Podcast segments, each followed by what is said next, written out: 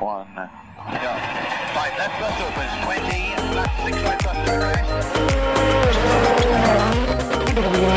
to.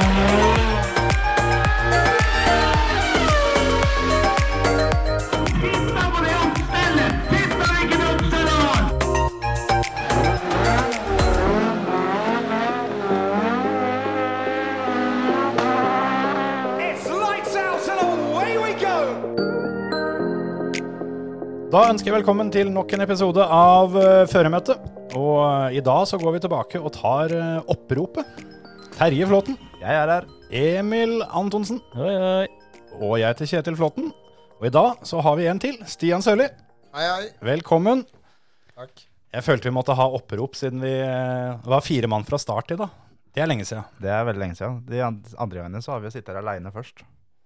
Men uh, du kommer til tida, Stian. Det, det setter vi pris på. Det er eh, godt å høre. Ikke det at de andre ikke har gjort det, altså det er bare vi som har vært litt ivrige. Vi skal ikke, skal ikke jekke ned noen. Men uh, ja, i dag så, så skal vi prate litt med deg. Det blir spennende å høre. Du har vært med på veldig mye artig opp gjennom åra.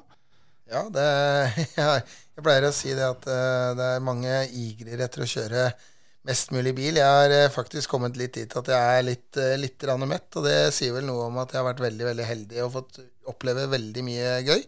Så det har vært eh, fantastisk. Og så kjenner jeg jo nå at det begynner å trigge litt på nytt, da, så vi får se hva framtiden bringer. Ja, det er, eh, det er vel eh, noe du har sagt flere ganger, Terje, at, at, når- det gjelder motorsport, så du blir aldri, aldri ferdig. Du tar bare, bare pauser. Så er det, er det litt individuelt hvor lang den pausen blir. Ja, det er faktisk sånn, du legger aldri opp. Det går an å ta lang pause. Så du kommer tilbake med kjøredress eh, snart, du Stian? Jeg, jeg har jo faktisk ikke lagt opp, jeg har jo vært med og kjørt eh, som masterserie, så jeg er jo på en måte sammen med gamlisene. Altså, de må være over 30 år, og det Altså For å si det sånn, innsatsnivået er i hvert fall ikke noe dårligere hos oss. Det er kanskje høyere enn i alle de andre klassene. Ja, det vil jeg tro faktisk. At det, det er Altså, akkurat konkurranseinstinktet, det blir ikke borte. Nei, det, det, det er helt sikkert og visst. Og det, det er jo det som er kult når man er ute på gokartbaner og sånt, og så har med seg andre førere og sånt. Det er jo det at man føler jo på en måte at man vinner med dem, da. Så man blir jo veldig sånn der eh, Altså bare sånn som NM på Andebu i fjor, så, så var jeg helt svett når jeg var ferdig med finalene. For du hadde på en måte vært med gjennom hele løpet med da alle førere. Så det, ja, det, er, det er kick til 1000, det der, altså.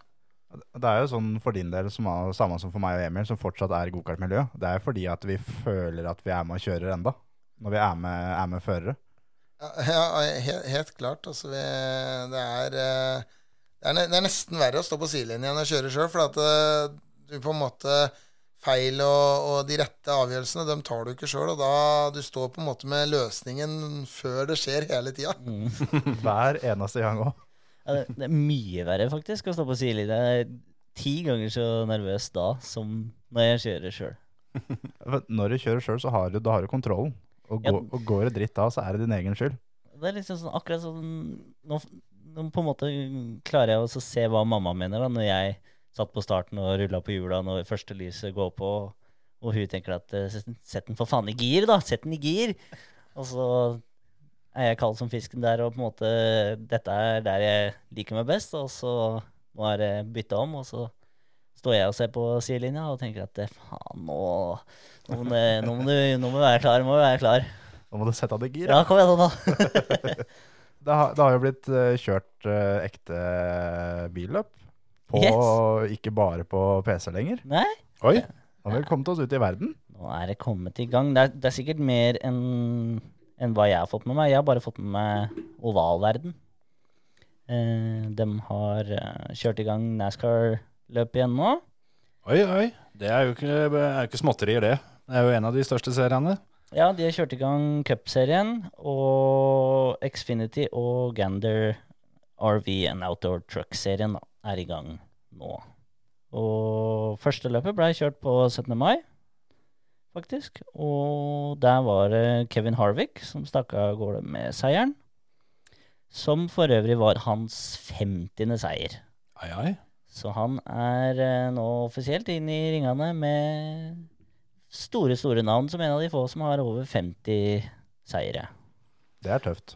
Hadde de sett eh, eh, på en måte noen bilder herfra, så hadde de trodd at eh, i Norge, der er de glad i NASCAR. For her var alle på med penstasen og ut i gatene og feire og alt sammen, bare for at vi har fått i gang NASCAR.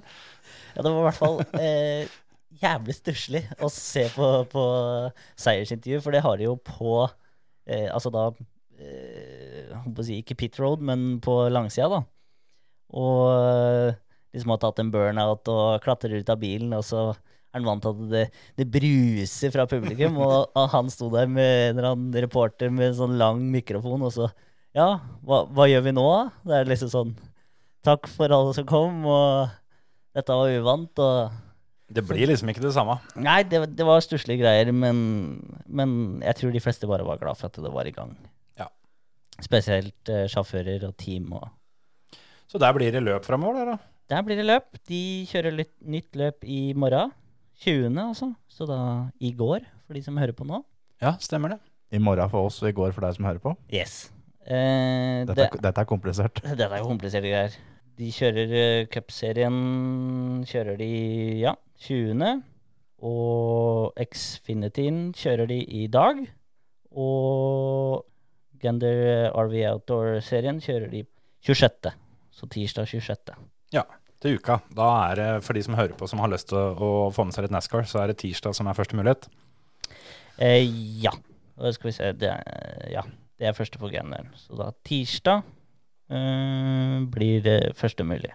Moro. Ja, men det er gøy at de kommer seg litt i gang igjen. Så får vi håpe det er håp for eh, et par andre serier også å fyre opp igjen. Har du fulgt med noe på NASCAR, Stian?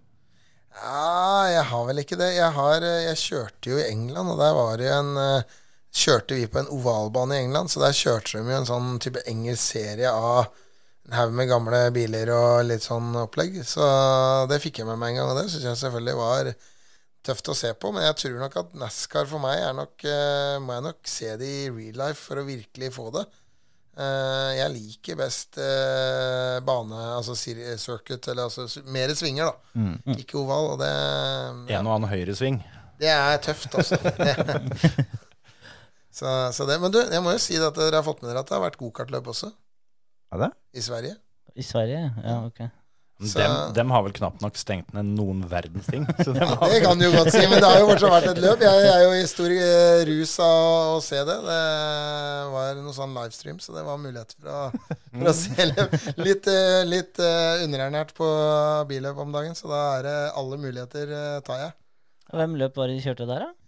Eh, Det var et sånn der nasjonalt løp, veldig spesielt. Så det med alle gikk med, med masker foran ansiktet, og det var jo veldig sånn spesielt. Da, men uh, vel å merke, et løp er et løp. Ja, ja, løp er løp. Var det i Kristianstad, var det ikke det? Tror det. tror det. Så du hadde fått det med deg? Jeg, jeg fikk med meg en som vant i miniklassen, for det var en CRG. Hashtag reklame. ja, det, det var litt sånn spesiell stemning. Det var liksom sånn første, første tida nå for eh, livesport, da, sånn som eh, tyske Bundesligaen. Og Mm. det var jævlig rart også å se liksom kommer av banen fra å ha omtrent klina med gutta på banen også. Sånn her, her har du Gatorade og munnbind. Ta på deg det, og så går du inn på rommet ditt. Det var, det var litt spesielt. For det var liksom sånn som det at eh, de kunne ikke feire mål på vanlig måte. Da, må, da måtte de holde avstand. Men altså stupe inn i ei takling, det, det er ikke så farlig. Nei, er også liksom sånn holde rundt hverandre og, Ja, ja. og spenne bein sånn. Det, det var helt greit, men eh, Det nei, kan- nei, ikke feire. Det kan jo hende at uh, cornerer hadde fått uh, en litt uh, annen drakt hvis alle skulle holdt en meter avstand. Jeg synes jo Hvis de først skulle ha på munnbind når de kom inn, så kunne de hatt på det ut på banen òg. Ja, det tror jeg hadde blitt slitsomt. Da, da begynner det å ligne på noe. Ja, ja, men hvis du først skal kjøre den, kjør den fullt ut. Ja, ja, vet du det. Men Få, få på sånne, sånne svære sånne, sånne kuler, sånne utretningslag. eh, Ja, men Har de ikke kjørt det? Jeg lurte på om Odd jeg, hadde det som, eh, som faktisk fast trening. ja, ja. Og i de verste periodene så var det sånn derre Da holder du en meters avstand, da. ja, antikontaktball. Men det, det som er litt kult her nå, at nå i det samme rommet her nå, så er det både to brødre, men det er også to stykker som nesten har vunnet EM. Han ene har gjort det, og han andre har ikke gjort det. Og ingen av de er noen av de to brødrene. Nei. Men, men du er jo den eneste, Emil, som har vunnet EM. Og du er den Mm. eneste, Stian, som har vunnet en EM-runde. Hvor nærme var det å vinne EM-tittelen? Nei, eh, det var vel Det året var jeg faktisk mye lenger unna enn jeg var året før. Eh, fordi at da leda vi jo egentlig når heata var kjørt før finalen. Så hvis den oppstillinga hadde blitt den vi kjørte masterrunden på, da, så hadde vi vunnet EM første året. Men da, da kjørte jeg jo i Det heter jo Formel A hele tida, da, men da var jo ikke de grommeste måte gutta med. da De kjørte jo Formel Supra. Men så året etter så, så kjørte jeg jo på en måte sammen med dem, for da var jo Formel Supra borte. Så, så sånn sett så jo så var jo det to forskjellige ting. Men allikevel så var vi utrolig nærme. Og så var vi på Marienburg. Og så kjørte vi på Vega, og det var eh, det grommeste som var da sliks. Men eh, på Rein så var det var en sorgens historie. Jeg tror det var tre sekunder på vi mangla.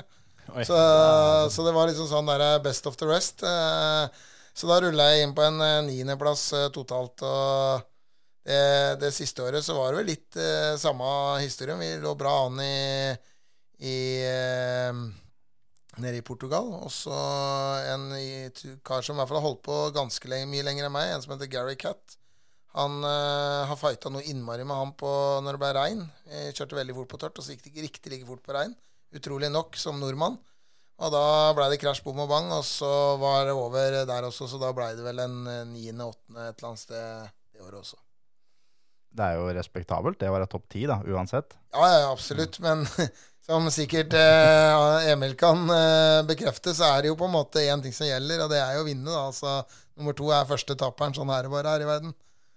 Men hvor, hvor i verden var den EM-runden du vant? Var ikke det var det Finland? Det var Mika Salo Circuit. Så det, Så det var litt sånn hjemlige forhold, da? eller? Ja, helt klart. Og det, det merka vi jo eh, sånn sett eh, i forhold til eh, de andre. Var jo, sleit jo mye mer i starten der, men som, som vi gjør ute, da, så kommer vi jo på en måte etter hvert og kan være med i finalen. Men, eh, men eh, der var på en måte verden snudd litt på hodet. Så jeg har jo filosofert noen ganger over det at eh, Tenk deg om vi hadde vokst opp i Italia, tenk deg åssen vi kunne håndtert ting da, liksom. Altså, Mm. det var veldig sånn der, For meg så var det i hvert fall litt sånn stress i seg sjøl å skulle komme til en finale, liksom. Det var liksom Ja.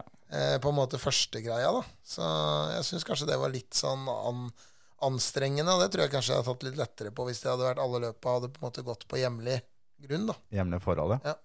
Det husker jeg når du kjørte ut, av Emil. Så var det jo til og med når du ble med to i VM, det løpet der, så var jo første målet var å komme til finalen. Ja, spesielt da. Det var jo Det var jo på en måte før begynte å være der eh, annenhver uke, liksom. Og, og før eh, Eller så fort du kom over til det å faktisk være der annenhver uke, så blei du på en måte vant til det, sånn som, sånn som dem var. Og da blei det noe helt annet. Og da gikk det fra å komme seg til finalen til å starte ja, gjerne første, andre eller tredje rekke, liksom, i finalen. Og så målet endra seg, men det var jo Ja, du blir jo klimatisert til forholda, rett og slett. Da. Så du ser jo det på de gutta som nå fra Norge er over og kjører så mye, at uh, du blir jævlig god av det, altså. Mm. Ja, det, det, det tror jeg er nøkkelen. At jeg skulle kjørt Skulle jeg gjort noe annerledes, da. Skulle jeg kjørt enda mer, mer gokart. Uh, det er ikke noe tvil om. Samtidig så var det jo også litt sånn for vår del, så var det jo mye som jeg nevnte, dette med dekk og hele det spillet rundt uh, det. Og vi hadde jo ingen begrensninger. Jeg vet ikke om Dere hadde vel hatt begrensning på antall treningsdekk, eller hadde dere ikke det? Jo, vi, vi, vi- blei jo limita til det. Ja. Vi kjørte jo tre dager trening før hvert løp, og da var det, brukte vi ca. sju sett om dagen. Så det var jo, det var jo helt, det var helt uh, gale, Mathias. Det høres nesten gratis ut, det. det var veldig heldig som uh, slapp å betale for dekka, men uh, jeg, det, altså det, var jo, det er jo en grunn til at det har kommet en begrensning på det, for å gjøre sporten mer attraktiv. Men jeg tror nok at i dagens setting så tror jeg nok også det er lettere for utøverne å gjøre det bedre. fordi at eh, for vår del altså, så var det så ekstremt feste, og det festet er ikke riktig. Jeg har vært på noen VSK-løp nå de siste to-tre åra, og, og, og det er jo ikke gummi i banen. altså Sånn som jeg husker gummibanen. da, så Den var jo ute og skrapa hver Sånn som i Portugal, så måtte de skrape hver kveld, eh, for ellers så kom du ikke rundt banen. Da satt du fast. Jo, jeg husker det fra tida når du kjørte, Emil. Så var det jo hvis du sto for lenge med karten din når du kom inn etter å ha kjørt, når du skulle på vekta. Hvis du sto for lenge da, så måtte du ta av deg kjøreskoene dine. Så måtte de stå der til du gikk og henta en kniv. Og det, sånn var det bare, rett og slett. Og det er jo ikke sånn nå. Nei, altså, jeg husker Ika Junior var jo veldig komisk når disse stakkara kjørte litt sakte i masteren, og så satte de seg fast. Så den lille spjokken hoppa opp. Du skal ikke le, for du var en av dem, Emil. Eh, og de, de klarte jo ikke å skyve på karten, så karten sto jo bare midt i banen. Eh, og det, det, sånn er det ikke i det hele tatt lenger. Så det, jeg tror nok kanskje også det har på en måte hjelpa oss nordiske førere litt. Og vi ser jo det at dessverre så er jo det som ikke hjelper oss, er jo at budsjettet har jo blitt enda høyere enn når vi kjørte. Det var jo Du kunne klare deg på litt mer fornuftige budsjetter, men nå har det tatt veldig av internasjonalt da, i forhold til kostnadsaspektet. Og, og det er jo jeg glad for her i Norge, at vi ser jo at eh, jeg tror gokart er mer for allmannsen i Norge enn det er, for- er f.eks. i Italia. da. Mm. Ja, så skal du være kompetativ i Spesielt i Italia, så ser du jo med de store teamene, så er det vel, ja, varierer vel mellom alt fra 100 til 150 til 200 000 kroner helga, liksom. Så det Det er litt andre priser enn når dere kjørte. Særlig når du Mm. kjørte, vet du, Stian. Ja da. Eh, vi, vi, vi kom og så kunne hjelpe til litt og sette opp telt, og så fikk du litt lavere priser, og så var det litt, litt lavere nivå. Vi, vi begynte jo liksom var jo starten på dette her. Jeg har jo fulgt, fulgt med litt i podkastene deres, og jeg har fått med meg annet at dere hadde jo eh, Fredrik her. og eh, jeg følte at jeg var litt tidlig ute med å på en måte begynne å tenke litt nytt. Og eh, det var ganske spesielt, sånn som vi liksom kom på sånn at en cappuccino og en uh, sånn croissant det er kanskje ikke en god start på dagen når du skal prestere. eh, liksom begynte med frokost i telt, og det var liksom litt sånn Det var jo det var liksom ja, uh, Tony Cart, liksom det største teamet, de, de hadde kanskje sånn catering, men det var liksom det, det begynte med når jeg kom inn, og det er klart det er fordyrende, men det er klart at det profesjonaliserer jo sporten veldig. Og man skal huske på at gokart, altså KZ OK, det er jo på en måte Det er jo ingenting som er i nærheten av det når man skal sammenligne med Formel 1. Altså det er det nærmeste du kommer Formel 1 i forhold til nivået på utvikling, på muligheter. Altså eh, Jeg tror faktisk Formel 1 kom med enhetsdekk tidligere enn en, en gokart gjorde det. Så, så, så det sier jo litt om sporten, hvor kompetitiv han er, da. Så er det også sånn Formel 1-førere kjører ofte gokart for å holde seg varme når de skal kjøre ting. Og det, du er jo en som gikk videre fra gokart og opp. Savna du gokarten da? Var det sånn at det, det her er kult, liksom, men det jeg gjorde før, var enda tøffere? jeg, jeg, jeg tror nok at for meg så var det nok formelbil Altså, det var kjempegøy, ikke misforstå, men, men, men det, det var så innmari press.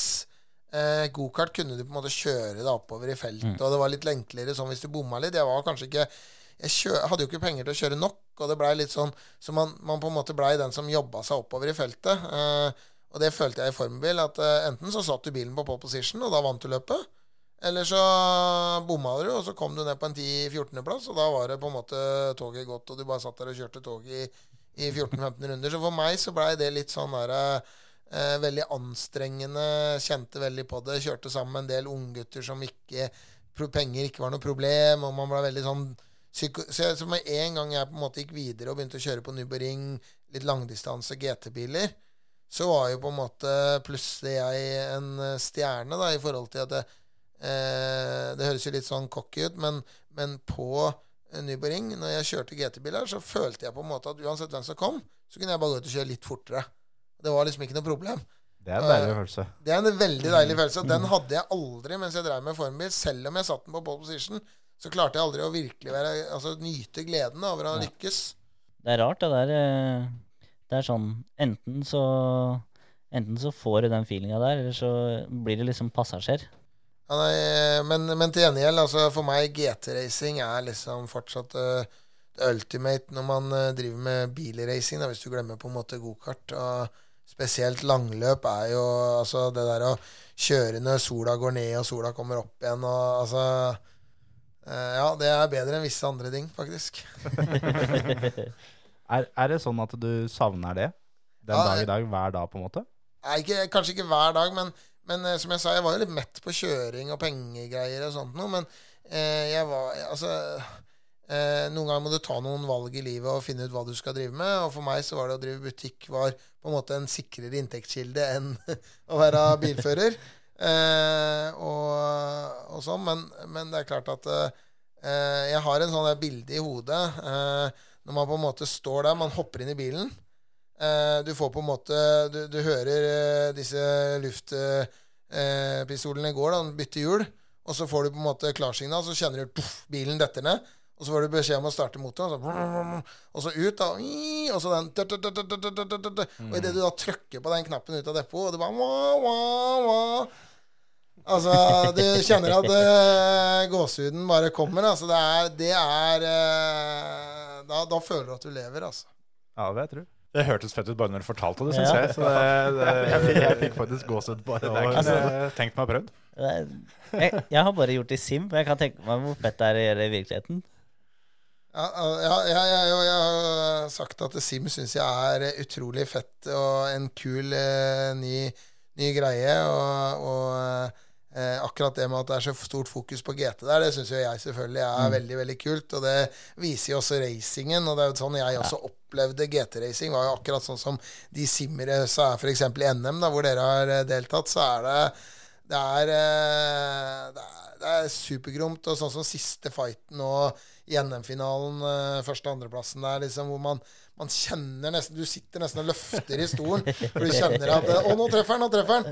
Eh, det, det får du aldri med en formelbil, altså den, eh, den racingen der. Nei.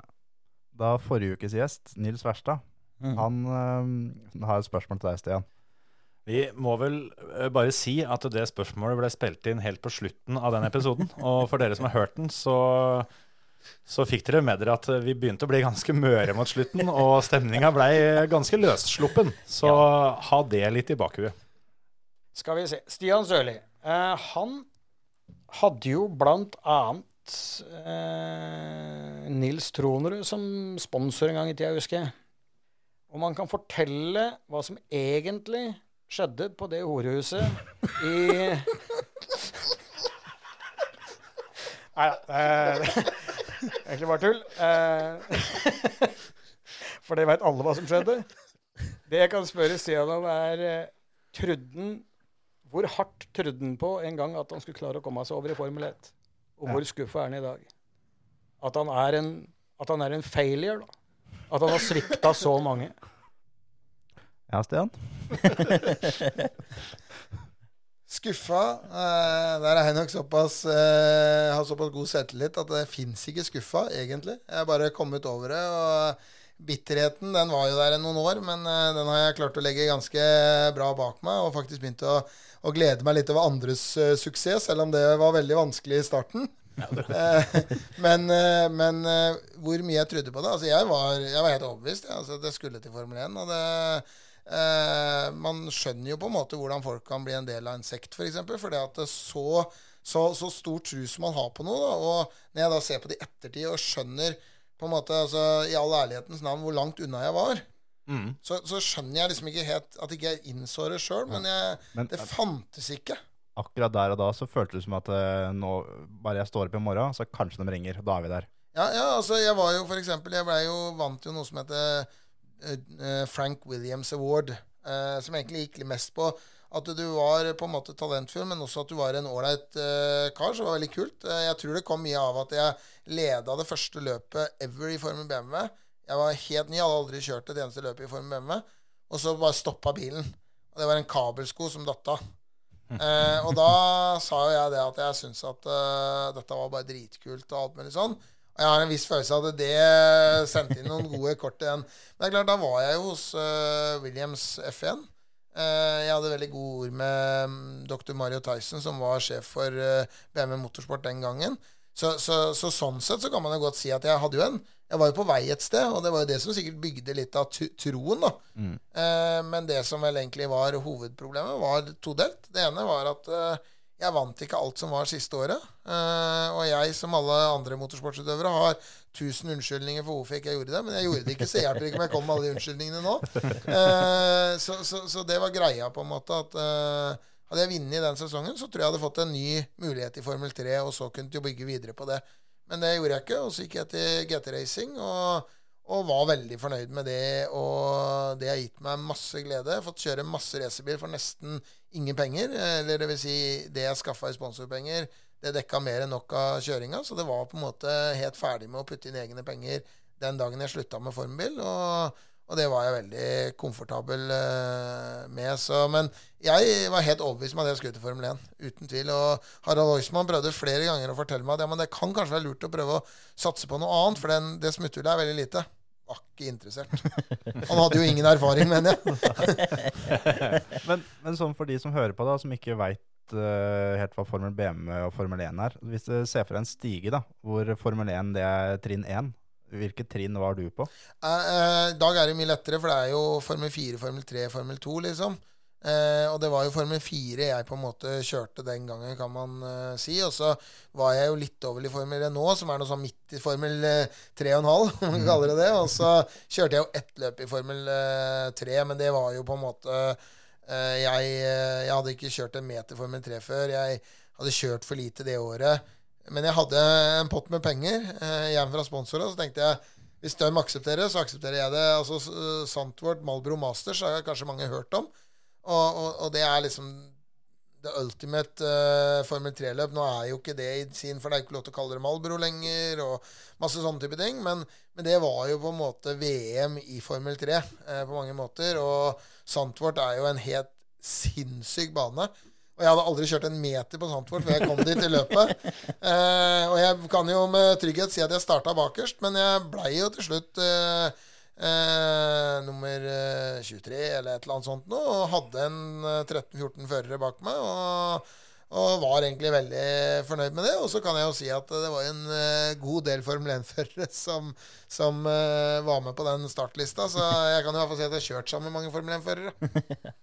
Ja, det er var sånn, eh, For meg så var det første jeg tenkte nå, at var det det rette løpet å velge, da? Når du aldri har kjørt på den banen og Ja, men jeg hadde lyst til å kjøre løpet. Jeg hadde, altså, jeg, da hadde jeg innsett at den eh, toget var godt, så jeg var ikke, var ikke, så, var ikke så veldig stressa over det. Jeg hadde kjørt noe for mitt eh, Renault-løp med en bil som ikke hang med, og det var bare tragisk. Og da, Det teamet jeg kjørte for i Formel BMW, de hadde også Formel 3.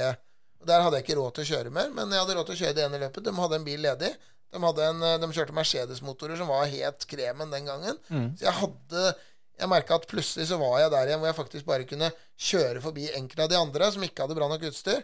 Og det var for meg bare en fantastisk punktum for formbilkarrieren. Selv om det resultatet ikke var der det skulle være i det hele tatt, så spilte det ingen rolle. Det var uh, supergøy. Og jeg tror, jeg tror kanskje at uh, når man ønsker å komme og leve av motorsport, så tror jeg det også er viktig at man eh, ta vare på de der øyeblikka, kanskje litt større glede. Hvor jeg da, som jeg sa, formelbilkarrieren min var kanskje ikke helt den der eh, gleden, for det ble så alvorlig. At jeg mista litt av det å, å ivareta gleden. Og der hadde jeg den gleden. Jeg kjørte så fort jeg kunne. Jeg hørte på hva ingeniørene sa. Jeg forbedra meg helt sinnssykt. Og det som er litt gøy, er jo at han teamkollegaen da, som var starta helt der oppe, han var, var en av de som skulle vinne eh, løpet. Han var like rask som når finalen gikk. Han hadde da selvfølgelig litt eh, utfordringer og oppsett og alle de unnskyldningene som vi prata om i stad. Men like fullt så var jeg like rask som han i, i finalen, og han tror jeg ble i 13-14, og jeg ble da 23 eller noe sånt. Så, så for meg så var jo det en kjempeseier, og jeg har et kjempegodt forhold til de teama, og eh, ja, så, sånn er det bare. Føler du at du kunne vært i Formel 1 hvis du hadde hatt en rik onkel som bare pumpa på med penger? Hvis pengene ikke har vært et problem, hadde du vært i Formel 1 da? Eh, jeg tror det er et umulig spørsmål å svare på, men eh, det hadde i hvert fall vært i Formel 2 uten problemer. Og jeg tror også jeg hadde vunnet i Formel 2-løp. Ja. Eh, jeg tror jeg er god nok til det, for å svare på den måten. Da. Det er viktig som du sier der, at det er jo noe alle, alle som holder på med dette på alle mulige nivåer, kan tenke litt på. At det, det er, er viktig å ikke glemme å ha det moro. Uansett eh, hva du sikter mot eller ikke. At det, det er jo derfor vi egentlig starta med dette her, og, og holder på med det.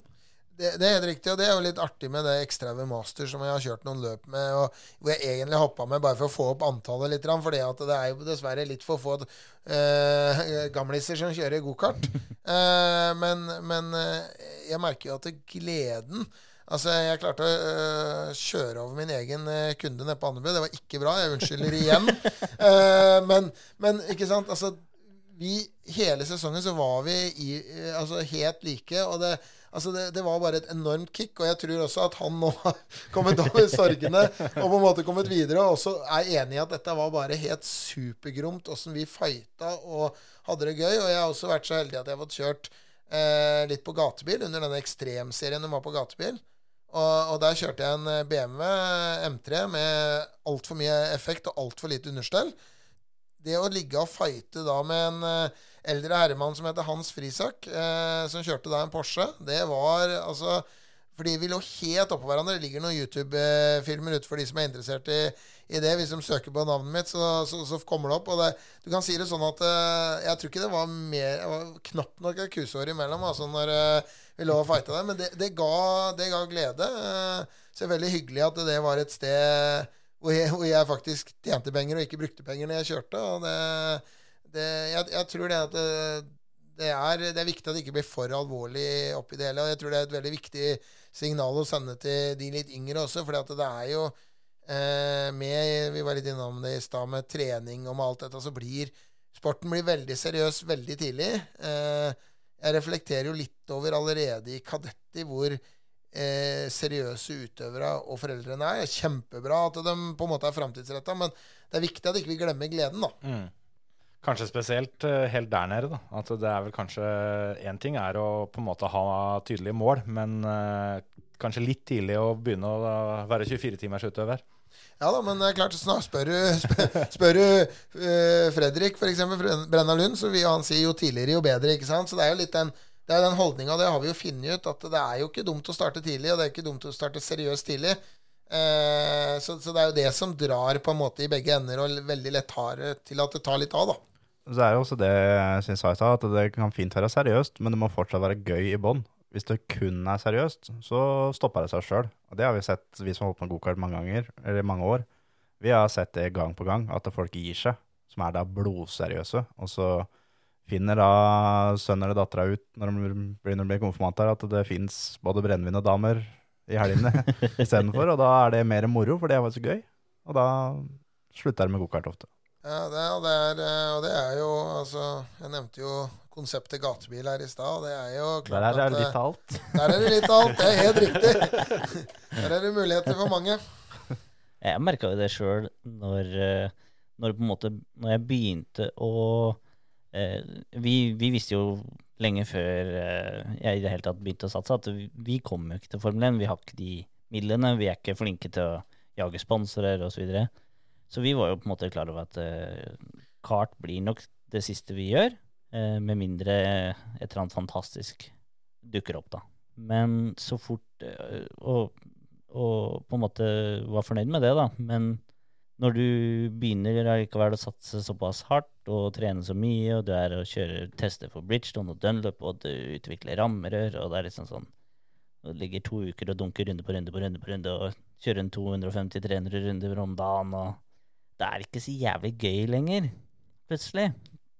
Når du heller kunne vært hjemme og hatt en eh, ålreit sommer og bare slappe av og, og, ikke teste og trene. Men så fort jeg begynte å skifte på en måte fokuset da, til å ha det litt mer moro, og på en måte kose meg med at jeg fortsatt kunne gjøre det, jeg kunne hevde meg bra, og det å ikke legge bort skylda på alt, da. For jeg var også var jo som alle flink til å si at nei, jeg var, jeg var dårlig dekk og Eller ja, oppsettet var helt jævlig. Men, men det å si det at uh, jeg var ikke kjapp nok akkurat nå, eller jeg gjorde for mange feil, og på en måte Så fort jeg begynte å slippe litt opp på tøylene og kose meg litt mer, og, og innrømme at jeg gjorde feil, så klarte jeg å rette opp i litt feil, og litt sånn.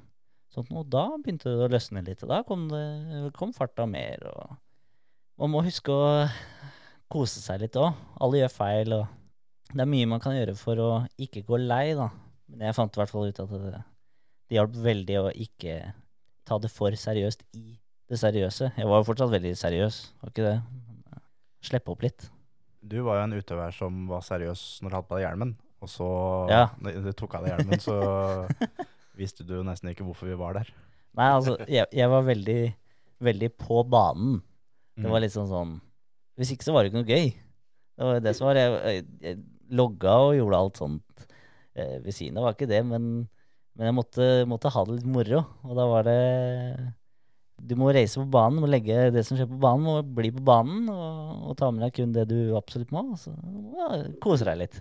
Jeg tenkte på en ting som du sa i stad, Stian. At uh, du er jo da forhandler og har kjørt på noen av kundene dine. Når du da kjører over din egen kunde, hvem tar regninga da? Nei, det tar vi ikke her nå.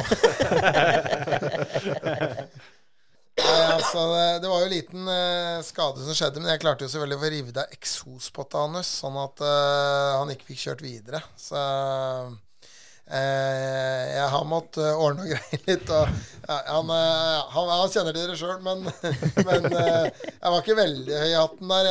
Jeg, jeg ba om unnskyldning, jeg var helt på mine kne, men eh, i situasjonen så Jeg så luka. Og så så jeg at luka ble borte, men da var det for seint. Og da var det noe med det der at uh, noen ganger så tror jeg kunnskapen på en måte altså, Eller uh, det der med feelingen, det blir litt borte med åra. Men eh, horna, de blir lenger. Ja. Og det er en jævla dårlig kombinasjon, altså. For det, det gikk ordentlig ja, Jeg, jeg veit ikke. Jeg hadde den liksom på inneren der, og så plutselig så var den bare der, og det bare smalt, og så forsvant jeg over den. Men det er jo litt sånn når du ser ei sånn luke, da, så huet ditt husker jeg jo fra den tida når du var på topp. Altså Ja. Da tok du de lukene der uten problemer. Det er bare å mate på en gang til. Ja, for det lurer jeg litt på, da. At hadde jeg i gamle dager så hadde jeg sikkert vært oppe på sida på den, og så hadde det ikke skjedd noe som helst. Men uh, sånn var det, det var ikke nå. Hva, hva var styrken din som gokartfører? Uh, styrken min uh, jeg, jeg, jeg tror nok at jeg var en ganske god teamplayer. Altså jeg, Og det tror jeg gjaldt også i formbil. At jeg på en måte var flink til å få med hele teamet til å dra i riktig retning. Eh, bortsett fra det så var jeg helt rå på starter. Spesielt i gamle dager når ikke vi hadde sånne dumme frontspillere og sånt. Så det var veldig sjelden hvis jeg starta litt baki, at ikke jeg var i hvert fall 10-15 plasser opp før vi kom til første sving. Og at det gjerne var en smell i den starten nå, eller? Nei, det la i hvert fall ikke jeg merke til. Nei, ikke sant? Jeg kom meg videre stort sett alltid, så jeg var ikke en del av den uh, smellen. Men uh, om andre var involvert av meg, det skal vi ikke uh, gå for dypt i. Men jeg, jeg, var, jeg, er nok, jeg er nok ganske dyktig på å være veldig veldig fokusert i et sånt øyemed. Så jeg har jo tenkt noen ganger på at det kanskje skihoppere egentlig skulle vært. For akkurat i øyeblikket så klarer jeg altså Jeg, kjørte jo som sagt disse gokartløpa her hjemme. og jeg var ene gangen nede på Rudskogen, så gikk jeg jo fra tredje til førsteplass i starten. Altså før vi kom til første svingen. Eh, og da tenker jeg at jeg kanskje hadde anelse mer fokus akkurat der enn de andre jeg sto rundt der. Ja, ikke sant? Ja. Så, så nei, jeg er veldig på, på rundt det. Og så eh, jeg nok ikke Jeg var nok ikke noe sterk på tikjøring, men jeg var nok ganske god til å kjøre meg oppover, så jeg kom meg oppover i feltet, kan du si. Men det tror jeg vel kanskje er litt gjengangeren til oss eh, norske utøvere. Hvis man ser over i javnen, så tror jeg nok, i hvert fall før de siste som har kommet nå, så tror jeg det var veldig mange av oss som gjorde det dårlig på tikjøring, og som måtte jobbe seg på en måte oppover i feltet. Og dermed blei veldig god på å kjøre forbi, da. Ja, det er jo det, er jo det du Eller det vi ser igjen og har sett av godt igjen, da. Det der, ja, kjempedårlig på tikjøringa. Og for min del, det var noe jeg måtte jobbe med. Vi brukte jo tre-fire uker i Italia kun trente tikjøring. Og til slutt så blei jo det en styrke. Men før det så var det akkurat sånn som med deg. Ja, Starte litt lenger bak og, og fighte, da. Skikkelig. Og, men du blei god på det, da. Så, det, men Så er det jo moro. Ja, ja, det er dritgøy. Jeg, jeg, jeg tenker at det kanskje var hakket mer moro når vi, disse, disse frontnesene som er i dag. Ja. De, de syns jeg er noen fæle greier. Altså. De er skumle, altså. Det, det er faktisk sånn at alle vi som har drevet med gokart uh, da i gamle dager, vi liker jo ikke de der sånn nå, men alle de som begynner med gokart nå, syns de er kjempefine. Ja. Men altså, det er jo ikke noe tvil om at det er bra for sikkerheten. Altså. Det, er jo, det er det. det er jo absolutt sånn. Men samtidig så ser jeg jo litt sånn gamle gokartfilmer. Det spretter jo opp sånn uh, historic uh, noe, har lik, eh, lika noe sånn uh, på Facebook, og så får jeg opp disse videoene. Og det er klart at det, der skjer jo det at Jeg tror nok at det som er litt av utfordringen nå, er at det har blitt sånn at er, du kan kjøre så tett. da Du kan ligge side om side og, og, og døtt, altså på en måte knuffe litt. da At uh, hjemme så har vi jo ganske god kontroll, og alle er jo litt mer snille med hverandre. Men når du ser sånn som EM og VM uh, i dag, så er det jo superrøft og tøft. Altså. De ligger jo på en måte Istedenfor å bruke frontnesa, så bruker du sideboksene. Og det som da skjer, er jo når det først hekter, så, så, så, så, har du mye større fart da enn det vi hadde, for vi gjorde det så mye tidligere, kan du si. Altså, vi var på en måte inn i svingen, og så hekta du inn i svingen, men her er det jo ofte midt på langsida, ikke sant. Og så var det også da før i tida, hvis en skulle flytte en, en fyr, da, Ja. hvis han var foran deg, så, så gjorde du bare det. Ja. At du skjøv en så han sklei ut en meter, eh, halvannen meter, og så var han borte, og så var det forbi. Så var den, da var han den som ute av verden. Mm. Nå så må du dælje inn av banen. Ja, ja, altså nå Det går an å kjøre Plogen. Det, det, går an å, det går an å kjøre på på vanlig måte, bare så vi har poengtert det. Så ikke alle unge herremenn og damer som sitter her ute, tenker at eh, OK, vi er kjører Flåtten-stil, vi bare dæljer dem av banen. Altså, vi kaller den plogen for en grunn. Og det er, det er liksom Nei, skal vi se, skal vi få flytta den? Få klint den av mannen nå. Det jeg mener er at sånn som nå, så hvis du bruker frontfangeren nå, da, så får du straff sjøl med at den går inn og du får tidsstraff. Nå må du side mot side og virkelig ta han andre hvis du, hvis du skal komme deg ordentlig forbi. da. Hvis han foran deg bestemmer seg for at du ikke skal forbi, så må du være mye hardere nå enn det vi måtte før. Ja, du, du må rett og slett presse deg forbi. Og det man ser, er jo at folk går inn og sperrer i mye større grad i dag. Og så blir det jo på en måte en, en veldig sånn uryddig kjøring, da hvor vi var mer eh, Du kjørte, og så enten så gikk du på inneren, eller så, som du sier, ga det et lite knuff, og så kunne du gå på inneren likevel. Eh, så det, det, det er jeg helt enig med deg at det blir, eh, det blir eh, eh, røffere, og da spesielt i utlandet. Man ser jo litt snillere her, men man ser jo også det at sjåførene ikke helt eh, skjønner, og det er jo også problematisk dette med eh, at man kan på en måte bremseteste den bak, da. Eh, og det har heldigvis vært veldig lite av det, eh, sånn som jeg har fått med meg, men eh, det er jo på en måte en bekymring, vil jeg si, i forhold til hvordan sporten skal utvikle seg videre, da. Det husker jeg var eh, det store samtaleemnet når de fangene ble innført. Det var da break-checking, rett og slett. Mm. At det, vi var jo med når det ble innført. Og da var det det alle prata om det. At det, hvis han bak nå er litt irriterende, så er det bare å bremse, og så er han borte. Det, heldigvis har det ikke blitt sånn, da. For folk har jo De gjør jo på en måte ikke. Men det er helt sikkert noen som har gjort det òg. Det å, å break-sjekke folk. Altså, det er jo på en måte i starten, nå på en måte folk vent seg litt til det, da, men de som var smarte, ga jo bare på sånn som i masterrunden. da. Hvis du var i front, så kunne du gi på litt før siste svingen, og så bremser du helt ned, og da kommer jo toget, da, og da står de jo i ræva på hverandre hele gjengen. Så er alle fangerne inne. Da er ti mann borte. ja, Ops. Det, Det var det, det var det jeg tenkte på her jeg satt nå. Da, liksom, eh, det der med de, de fangerne kom opp. At ja, man kan jo ikke bare gjøre det, da. Så var han bak eh, ut av dansen. Men, eh, men det sier kanskje kjørt, mer om meg at det var liksom min første tanke. Jeg har jo kjørt med begge deler. Jeg har jo vært borti den nye fangeren i Rotax eh, D2, riktignok, da. Men da Det var det eneste jeg tenkte på i masterrunden, var bare Hvis han bråbremser nå, så skal jeg i hvert fall stoppe, sånn at han bak treffer meg, og jeg har nok luke til at jeg ikke flyr i han foran. det, det som jeg også husker, før den første starten din, så sa du, for da snakka vi om de problemene her, Mhm. så sa du at hvis han foran meg bremser nå, så jeg får inn fangeren, Yes. da skal jeg og han, vi står igjen. Vi Yes. står igjen sammen. Yes. Han kommer ikke til mål hvis han gjør det mot meg. Ikke tenk på det, gutten min. Da skal vi ut på tur. Eneste min så, da han var norsk, han som starta foran. Ja. Jeg skulle gjerne tatt med meg ut òg, for han kunne jo faen ikke starte heller. Så det var jo helt for jævlig. Nei, men eh, jeg tenkte på det der i stad, men eh, med det sånn som de legger seg inn og sperrer nå, sånn skikkelig inn Kunne jo prøvd på det før, vet du. Det hadde jo bare blitt parkert. Du hadde bare blitt fulgt ut av sporet, og så hadde hele toget kommet på inneren av det. Ja. Så nei, sånn, sånn er det. det. Ting utvikler seg, og det er bra, tenker jeg, at, det, at ting utvikler seg. Og jeg må bare innse det faktum at jeg begynner å bli gammel. Eh, Så enkelt er det. Og jeg kommer nok heller aldri tilbake igjen i toppform, så sånn er det bare. Så jeg pleier å si det at det, egentlig, og nå har jeg kjørt litt gokart, men egentlig så pleier jeg å si det at jeg skal ikke kjøre noe under eh, 500 hester på bane noe mer. For det, det kler ikke meg. Nei, du begynner jo å ha litt sånn bilcrosskropp nå. så Du begynner å kan være med meg på løp.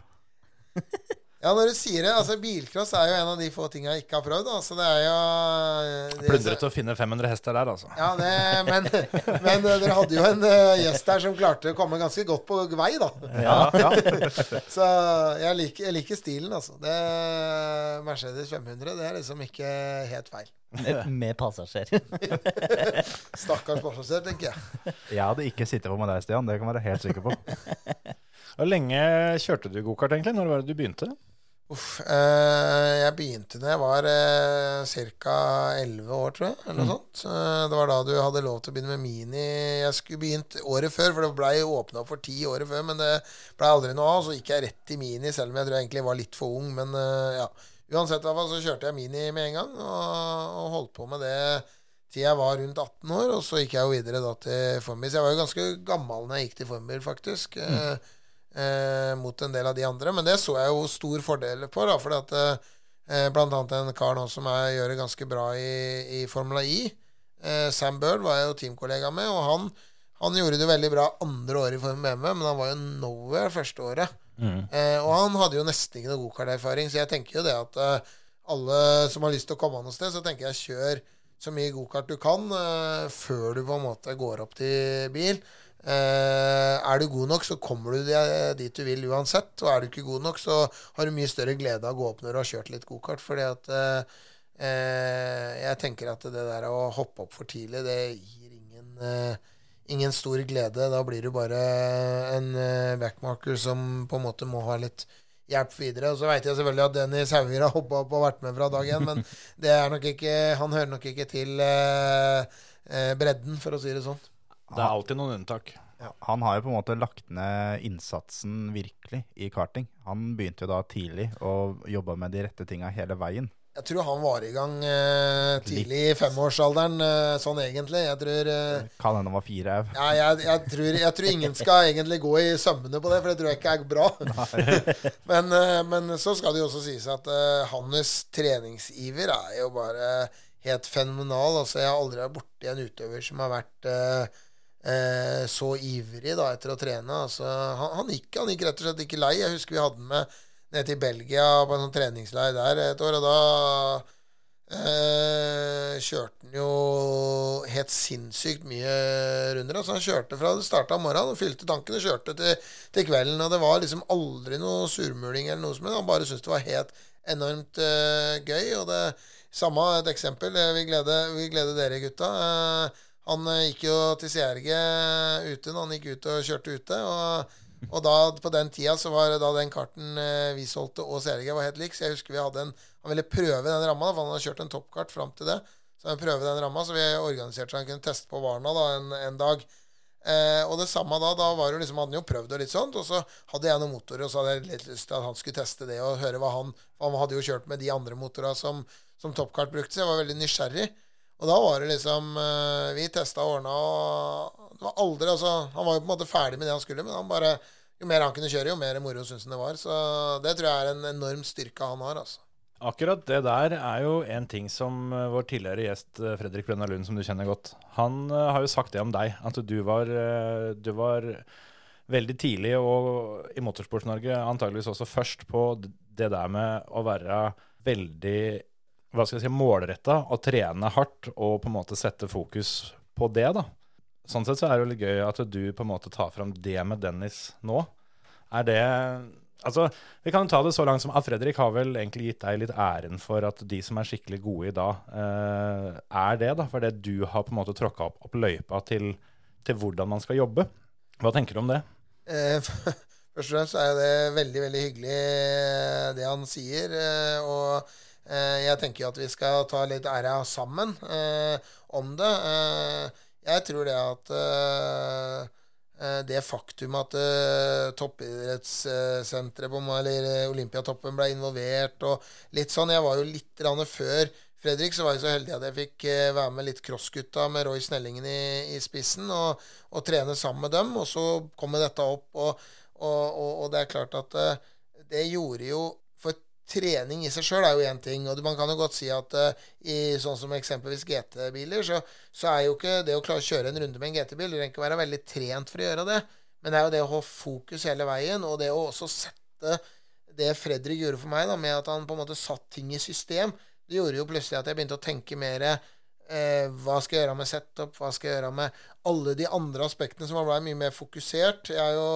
eh, hør, hørt på, på når dere prata med han, og, og du prata litt om, eh, Emil, om eh, dette med, med hvordan på en måte han var med deg på tur litt med, med, med at han tok deg på riktig måte. Litt sånne type ting. Og det, det, er, det er jo liksom det jeg kanskje savner mest å ha med meg en, en person hele veien. Og Etter at jeg gikk over til bil og sånt, så hadde jeg på en måte ikke den, det, den eh, rundt meg som jeg hadde i gokart. I gokart hadde jeg med meg en svensk mekaniker som, som var veldig dyktig på å på en måte backe deg. da. Men eh, eh, jeg tror det at eh, det han har dratt i gang der, og det som nå blir eh, ført videre, det, det tror jeg er eh, utrolig viktig for eh, at norsk bisport skal komme videre. eh, uten tvil. For Fredrik, han, han mener at uh, treningsinnsatsen og mengden du la ned på det meste, det var helt i toppsjiktet uansett norsk idrett. Jeg var i hvert fall veldig godt trent, for jeg var på Olympiatoppen og testa meg. Og jeg var bedre enn hele Stabæk fotballklubb eh, i O2-opptak. Og de anså meg som en, eh, som en eh, god langrennsløper, og det har jeg skjønt at det er ganske innafor. Så jeg klarte jo å stable meg gjennom Birken på fire timer eller noe sånt uten å kunne gå på ski. Så jeg var mye vilje, for å si det sånn. Så nei, jeg, jeg, altså, for meg så blei jo det med, med trening og det Og det var også et avbrekk ikke sant, fra dette evige sponsorjakta.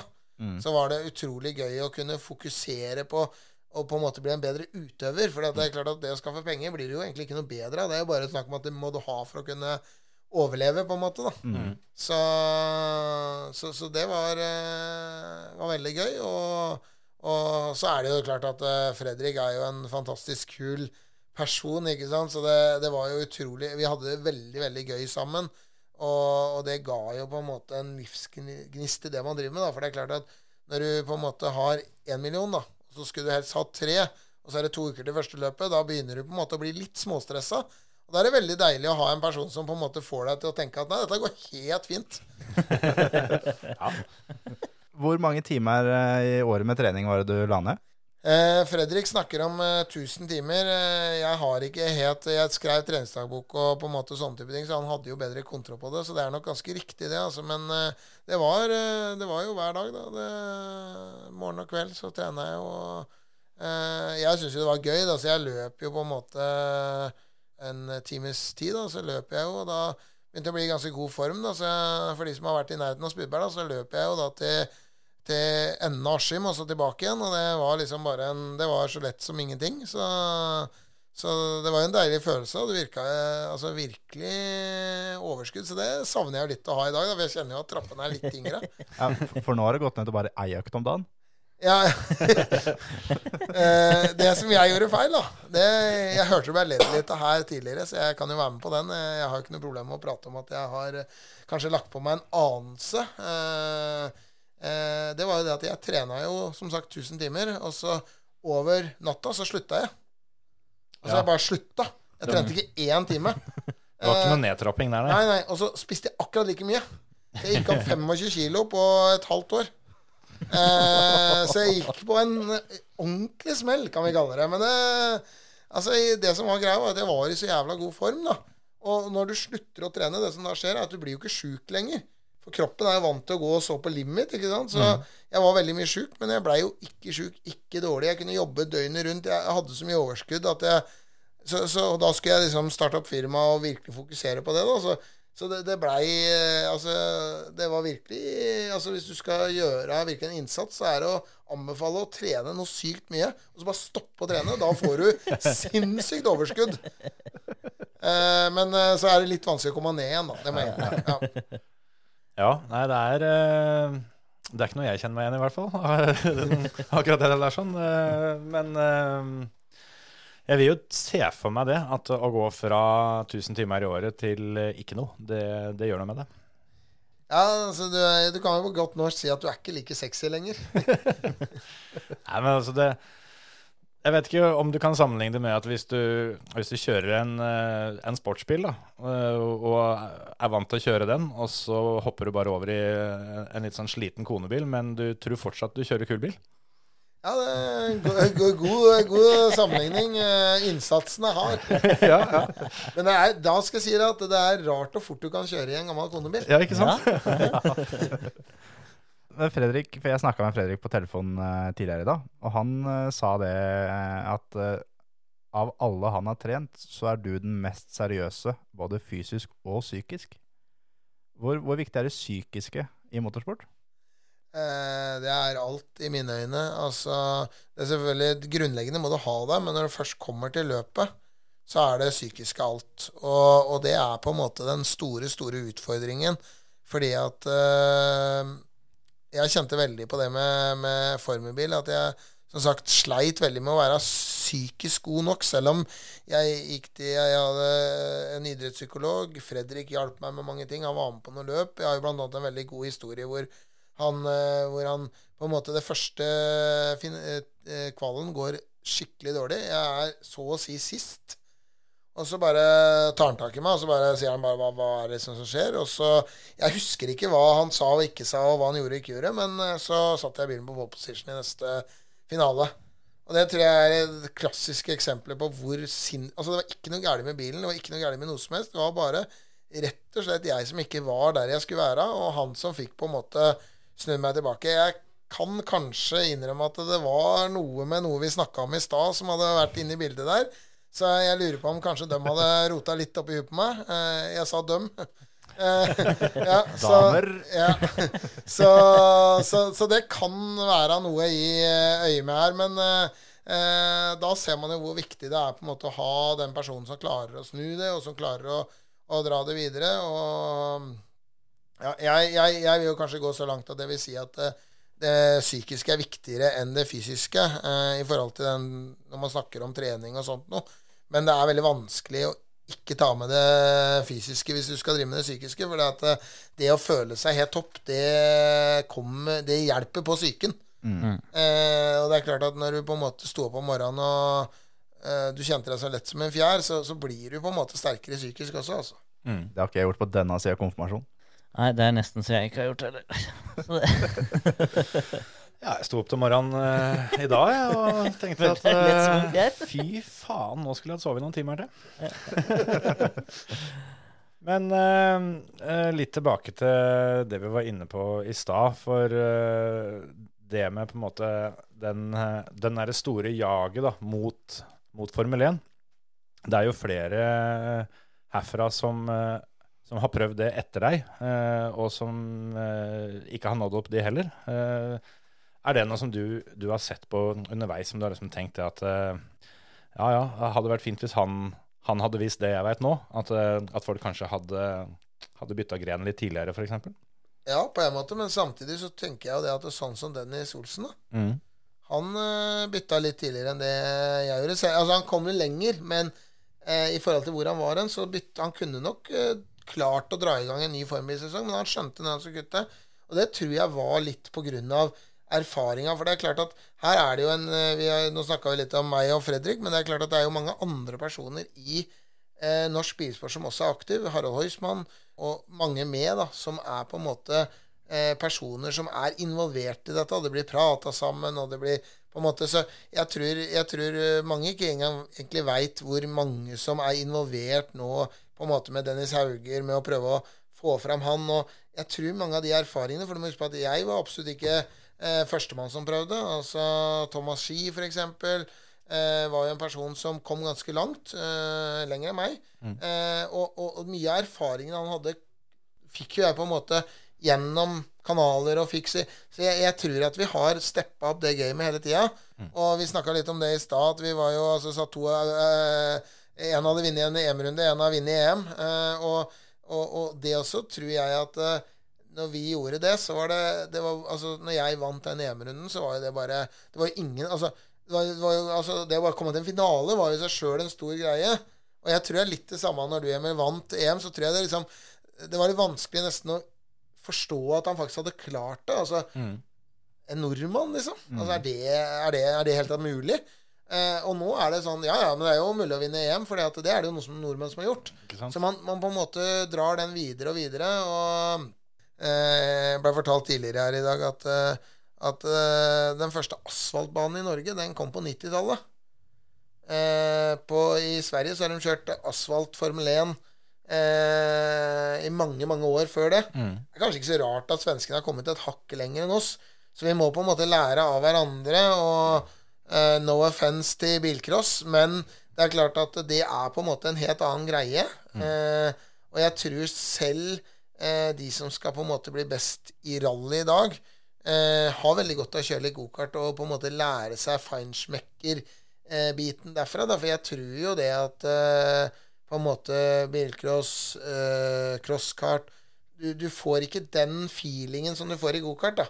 Eh, uten å tråkke noen på, på tæra. Men, men eh, jeg tror det hadde vært veldig sunt for dem. Og jeg ser jo at det er jo en herremann som, som eh, nå trener litt gokart, som er veldig god i, i, i crosskart. Carl Peder, er det det heter? Nordstrand, ja. Ja. Mm. Eh, og, og, og det Altså jeg, jeg følger jo med som sagt på simracing, og, og må jo si at jeg er veldig imponert over, eh, over eh, progresjonen og på en måte den biten der. Så, så jeg tror det er veldig, veldig viktig, og det kan eh, virkelig gjøre noe for hans karriere videre. Selv om han kanskje aldri har tenkt en tanke på å kjøre på asfalt, så tror jeg det er veldig sunt for han å få kjørt på asfalt og lære seg de små detaljene.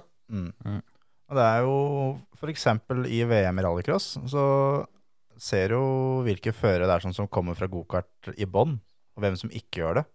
Det er jo Timmy Hansen, Kevin Hansen, Andreas Bakkerud. Og de kommer fra gokart. Veldig smal kjørestil, vant av folk rundt seg. Mens da f.eks. Janis Baumanis da, fra Latvia kommer ikke fra gokart. Det er sladder av gårde og herjer og ikke kontroll på folk som er rundt den i det hele tatt. Så det er eh, Gokart er en veldig viktig sånn grunnstein, tror jeg. altså. Og det, det er jo også, Hvis du ser på Petter, da, selv om han kanskje ikke kommer fra gokart, så ser man jo på en måte hvordan han har måttet lære seg det, og hvordan han har vært flinkere enn sin storebror da, til å være smalere i kjørestilen. altså Hvor han virkelig har måttet jobbe med det etter det, og det får man jo helt gratis bare ved å kjøre litt gokart. Så det ja, Nei, jeg er veldig tilhenger av at det på en måte er en bra læringsform for alle. Og det er jo veldig kult nå om dagen, da, for at vi ser jo at det er en yrende liv da, blant rallycrossførere, og alle skal ha gokart. For det er det eneste man på en måte får trent på en fornuftig måte. Så, så det syns jeg selvfølgelig er dritkult. Da, at uh, alle har skjønt på en måte tegninga, selv om det har blitt litt ufrivillig pressa inn i det. Men eh, med tanke på én Formel 1, da, sånn som Dennis Hauger, som vel eh, nå da er det store håpet vårt nå. Åssen ser du på hans, hans håp for å komme til, komme til Formel 1? Eh, nei, altså som jeg sa i stad, hvis han bare fortsetter å vinne, så tror jeg han, uh, tror jeg han helt klart uh, har en veldig realistisk mulighet til å nå til Formel 1. Eh, at det er vanskelig å vite hvor tett det båndet med Red Bull for eksempel, egentlig er, det, det er det kun han og Red Bull og Harald Høgsmann tror jeg som veit. Mm. men, men sånn som jeg forstår det, så er dette veldig bra og, og sånt noe. Og så lenge han vinner, så tror jeg han helt klart er der. Og så tror jeg nok uh, at i hvert fall i forhold til meg sjøl, så, så er han et uh, større førertalent. Altså han, eh, han Helt fra dag én så har han ikke gjort annet enn å vinne. Og det er klart at det det er Det sier noe om han, da, og det tror jeg vil føre han veldig langt i seg sjøl. Blei du noen gang norgesmester? Det kommer jeg til å tenke på nå. Jeg er faktisk tre ganger norgesmester. Og fem forsøk eller noe. Det er godkjent. Så etter det så hoppa jeg av lasset, for da kjørte jeg ikke. For da hadde jeg eh, begynt som forhandler, så da passa det seg dårlig å, å kjøre. Så da kjørte jeg ikke her hjemme i det hele tatt, faktisk. Etter det. Det skulle jeg nok helt sikkert ha gjort for å ha fått enda mer kjøretrening, men da parkerte jeg gokarten her hjemme. Men øh, øh, ja, det var, det var jo litt sånn Det var litt enklere den gangen, da, for da kunne du bli norgesmester i to forskjellige klasser. Ja. Så jeg gjorde det på ett år, da, så jeg fikk dratt til meg to NM-titler på, på ett år der. Men eh, ja, nei, det var eh, Det var gøy da. Da var jeg på en måte Da var vi litt tilbake til å være i den flow-sonen, da, hvor jeg på en måte følte jeg hadde veldig god kontroll på alt. Da, det året hvor jeg vant eh, NM i to klasser. og så, så det, Jeg la også merke til at Glenn André han nevnte noe om at han hadde kjørt Yama sammen med meg og, og, og, og slått meg. Men eh, så vidt jeg husker, så, så var det sånn at jeg mista sideboksen i det ene, ene finalen der. Og det tror jeg var den eneste gangen i den sommercupen han var foran meg. Det, akkurat det løpet husker jeg òg. Det var på Hønefoss. Ja, så, så jeg bare vil påpeke det, liksom. Ikke sånn for at jeg, at jeg har noe hard feelings eller noe sånt for at han sa det, altså, men uh, bare måtte påpeke det, liksom. Men var det, ikke, var det ikke det du sa i stad, at det er 1000 unnskyldninger, men han var først i mål, så da det er det det vi husker? Er det ikke det? Ja, men jeg vant tre løp, da. Og jeg vant sommercupen totalt. Ja, det er sant. Det var Det, jo det, ja. Hadde du fått lov det løpet der å få lov å kjøre ferdig, så hadde du vært først i mål òg. Det som var, var jo at jeg kjørte jo faktisk inn, og det var jo ikke bra i det hele tatt. Fordi at uh, Jeg, jeg husker det var uh, en far av deg som sto på sidelinja og vinka. Nå må du bare kjøre videre. Kom igjen, kjør videre. Kom igjen, kom igjen, kjør videre. og du kikka hver runde. Kikka bort. Det var, var, var ikke bra, som sagt. Eh, Jeg måtte opp til dommerne etterpå. Jeg bare la meg helt flat og sa at uh, jeg er såpass voksen at jeg skulle skjønt at jeg hadde kjørt inn, så jeg bare beklager på det sterkeste. Og, og da når jeg var så, så forsiktig, så tror jeg jeg fikk litt kred for det. Og så blei jeg bare diska, så, så det gikk heldigvis bra. Men eh, jeg kjørte nok mot det tekniske flagget en del ganger, og så tror jeg det svartflagget kom opp på siste runden. Og da var det jo på en måte i mål uansett, så. Hvis, Ja. du, hvis du ser tilbake på hele karrieren som sjåfør, er det, er det én ting du gjorde som du ønsker du ikke gjorde? Eh, for eh, resultatene så er det, er det nok flere ting, men eh, sånn, sånn rent sportslig så er det nok én eh, seanse jeg var på i Sarno. Eh, og så var det litt det vi snakka om i stad med måke, og da husker jeg måka til en kar så gæli på siste runden at han kjørte han foran. Så det var to stykker som forsvant av banen. Og jeg kom i mål eh, Ja, var, jeg var litt nede i feltet, så det var, eh, det var finalen i, i VM, og alt hadde ikke gått et, etter boka. Så var det en som sperra og irriterte meg. Jeg skjønte liksom ikke hvorfor skal du sperre for en 15.-plass, liksom. er poenget. Eh, men uansett, i hvert fall, så han jeg knøffa til, da, han knøffa til en annen, og han, han knøffa til. Han eh, reiste seg opp når han kom inn, og bare smelte ned han derre jeg hadde knøffa til. Så han svima av. Og da kjente jeg at jeg hadde jævla dårlig samvittighet. Så det var ingen som skjønte hvorfor jeg var så ivrig på å få gitt den vann og ta vare på han stakkaren som lå nede. Det er sånn det er, Noen ganger så går det an å gå bort og si 'sorry, det var min skyld'. Men når du ser at han blir liksom slått rett ned, da sitter du helt rolig og Jeg, jeg, jeg hadde ingen tanke om å fortelle det, nei. Det er helt riktig. Så det, akkurat der, det, det var eh, Jeg tenker at, eh, at eh, man må på en måte jobbe med å besinne seg. Men det er noen ganger at man blir irritert og ikke klarer å kontrollere lenger. Og det, sånn, sånn er det innimellom. Hørtes kjent ut det der, der, Terje. At eh, hva faen er det du skal sperre bak i feltet for? Da fortjener du å smake vegg. Ja, jeg hadde banka han av helt eh, Jeg har gjort akkurat det samme som deg, Stian. Det er uten tvil. Det er ikke noe gentleman driving her borte, gitt. Nei, jeg merka det i det simracing-greiene. At det Sånn som når vi kjørte SRGP siste NM-runda, og kvala oss nummer åtte, ble snurra i første runden, og kommer liksom da bak i feltet. og Da er løpet for min del over. Ligger og fighter da om 20.-plass. Vi er på runde nummer tre, og folk begynner å sperre. Det er sånn Kutt ut, da. Det er sånn, nå, nå får du én mulighet til å slippe meg forbi, eller så går du ut. Det, sånn er det. Og det, jeg kjenner meg helt igjen fra sånn det var for din del da. Ja, Da går rullegardina pent sagt het i bånn. Eh, men eh, Det er fort gjort å glemme det, at eh, han som ligger på 15.-plass der, kanskje han eh, hadde, hadde det som sitt store mål før han kom. At eh, topp 15, det hadde vært skikkelig, skikkelig bra. Kjørte sitt livsløp, egentlig. Ja, ja, ja. ja. Det sånn Altså, det, er jo, det, er jo, det er jo en grunn til at jeg har litt dårlig samvittighet. da Og drar det fram som et eksempel. At jeg kjente kanskje på at den Det var jo greit, vi snakker om å skyve noen litt ut av så man kan gå på inneren av de. Mm. Men den var liksom en regelrett torpedering. Eh, med vedfølgende flyving inn i en annen kart. Eh, så, Det er, så høres perfekt ut, syns jeg. ja, ja. Ja, helt fram til den julinga etterpå. Det er vel da du kanskje tenkte det at ok, da, så var Da kunne jeg kanskje spart meg for det. ja dere, dere er jo litt eh, inne i gokart, så jeg må jo nesten eh, jeg, jeg, um, Han heter det? Kolinski, tror jeg han heter. Han var med Kos og, Koslinski. Helt riktig. Takk. Han eh, var det som slo. Ja, det var han? Ja, Klarte han å knocke ut en, ja, altså? ja det, han var så sinna, så, så Og han er liksom Ja. Så han har alltid vært litt sånn forsiktig med etterpå. Jeg tenkte han karen der, han er ikke trygg. Han er sånn der liten uh, fis av en franskmann. Ja, imponerende, for han har alltid vært sånn uh, spagettimann. Skikkelig tynn og Ja. på en måte nå, nå er han jo oppi, litt oppi åra og, og fortsatt liksom i dønn lik form, og, men klarer liksom å dunke 300-400 runder om dagen omtrent, Ja, uten problem. da. Så ja, Han, tydelig eh, han var spreking, ja. Han øh, hadde i hvert fall drag på høyrearmen. Moro. Jeg hadde ikke sett for meg at han skulle knocke ut noen, men tenk hvor mange ganger har du ikke hatt lyst da, til å bare knocke smekke teen i kjeften rett etter at du kommer inn. Det som er litt imponerende, når du faktisk har på deg hjelmen, så, så skal du dra til litt for å få fyren til å gå ned for telling. Altså. Han tok den med hjelmen på. Ja, ja, ja. Å, dæven! For, for det husker jeg vi snakka en gang, Emil. At hvis en skal slå til noen på gokarten, vent for guds skyld til de tar av seg hjelmen. Ja, det er jo det. Hvis ikke så må Ja, det må slå jævla hardt, da.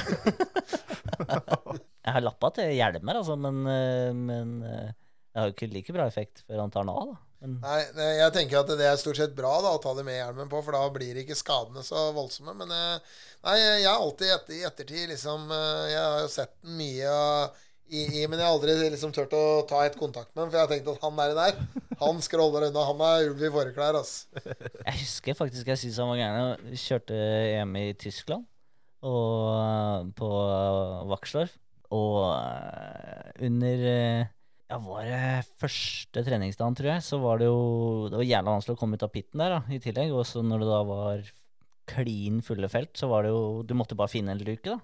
Så ble jeg liksom stående der i første game clutchen din og vente og vente og vente. Og vente, og til slutt så måtte du bare ta en luke, da.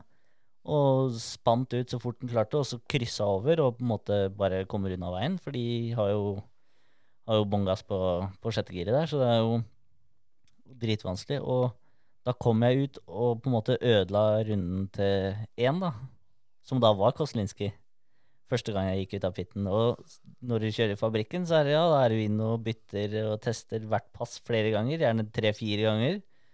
Og hver gang så kom jeg ut foran Koslinski, ødela runden hans.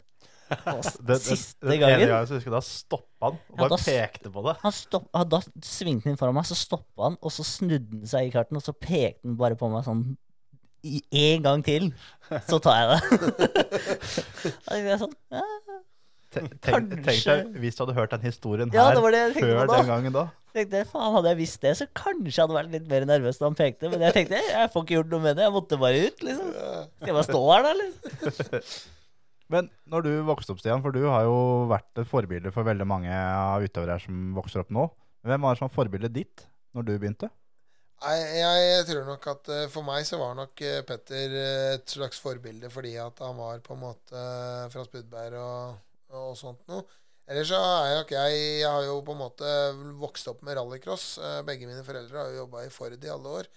Eh, og, og da var vi alltid på Lyngås og, og så der og sånn. Så eh, Martin Skanke er jo på en måte the man, da. Eh, Høres kanskje litt absurd ut i dag, men eh, jeg må nok innrømme at det var nok, eh, var nok mer der Bjørn Skogstad, sånne type ting. Og så har jeg nok aldri vært sånn at jeg har hatt sånne eh, Når jeg liksom begynte med formelbil, det var ikke sånn at eh, å, jeg ser opp til Kimi Raikon. Eller, jeg har aldri vært helt der. Jeg er bare veldig imponert over de som får til ting og, og sånt noe. Så prøver jeg på en måte å kopiere, og det er vel litt det Fredrik kanskje var innom. Da, at jeg er eh, Når jeg driver med noe, så blir jeg ekstremt fokusert på det jeg driver med.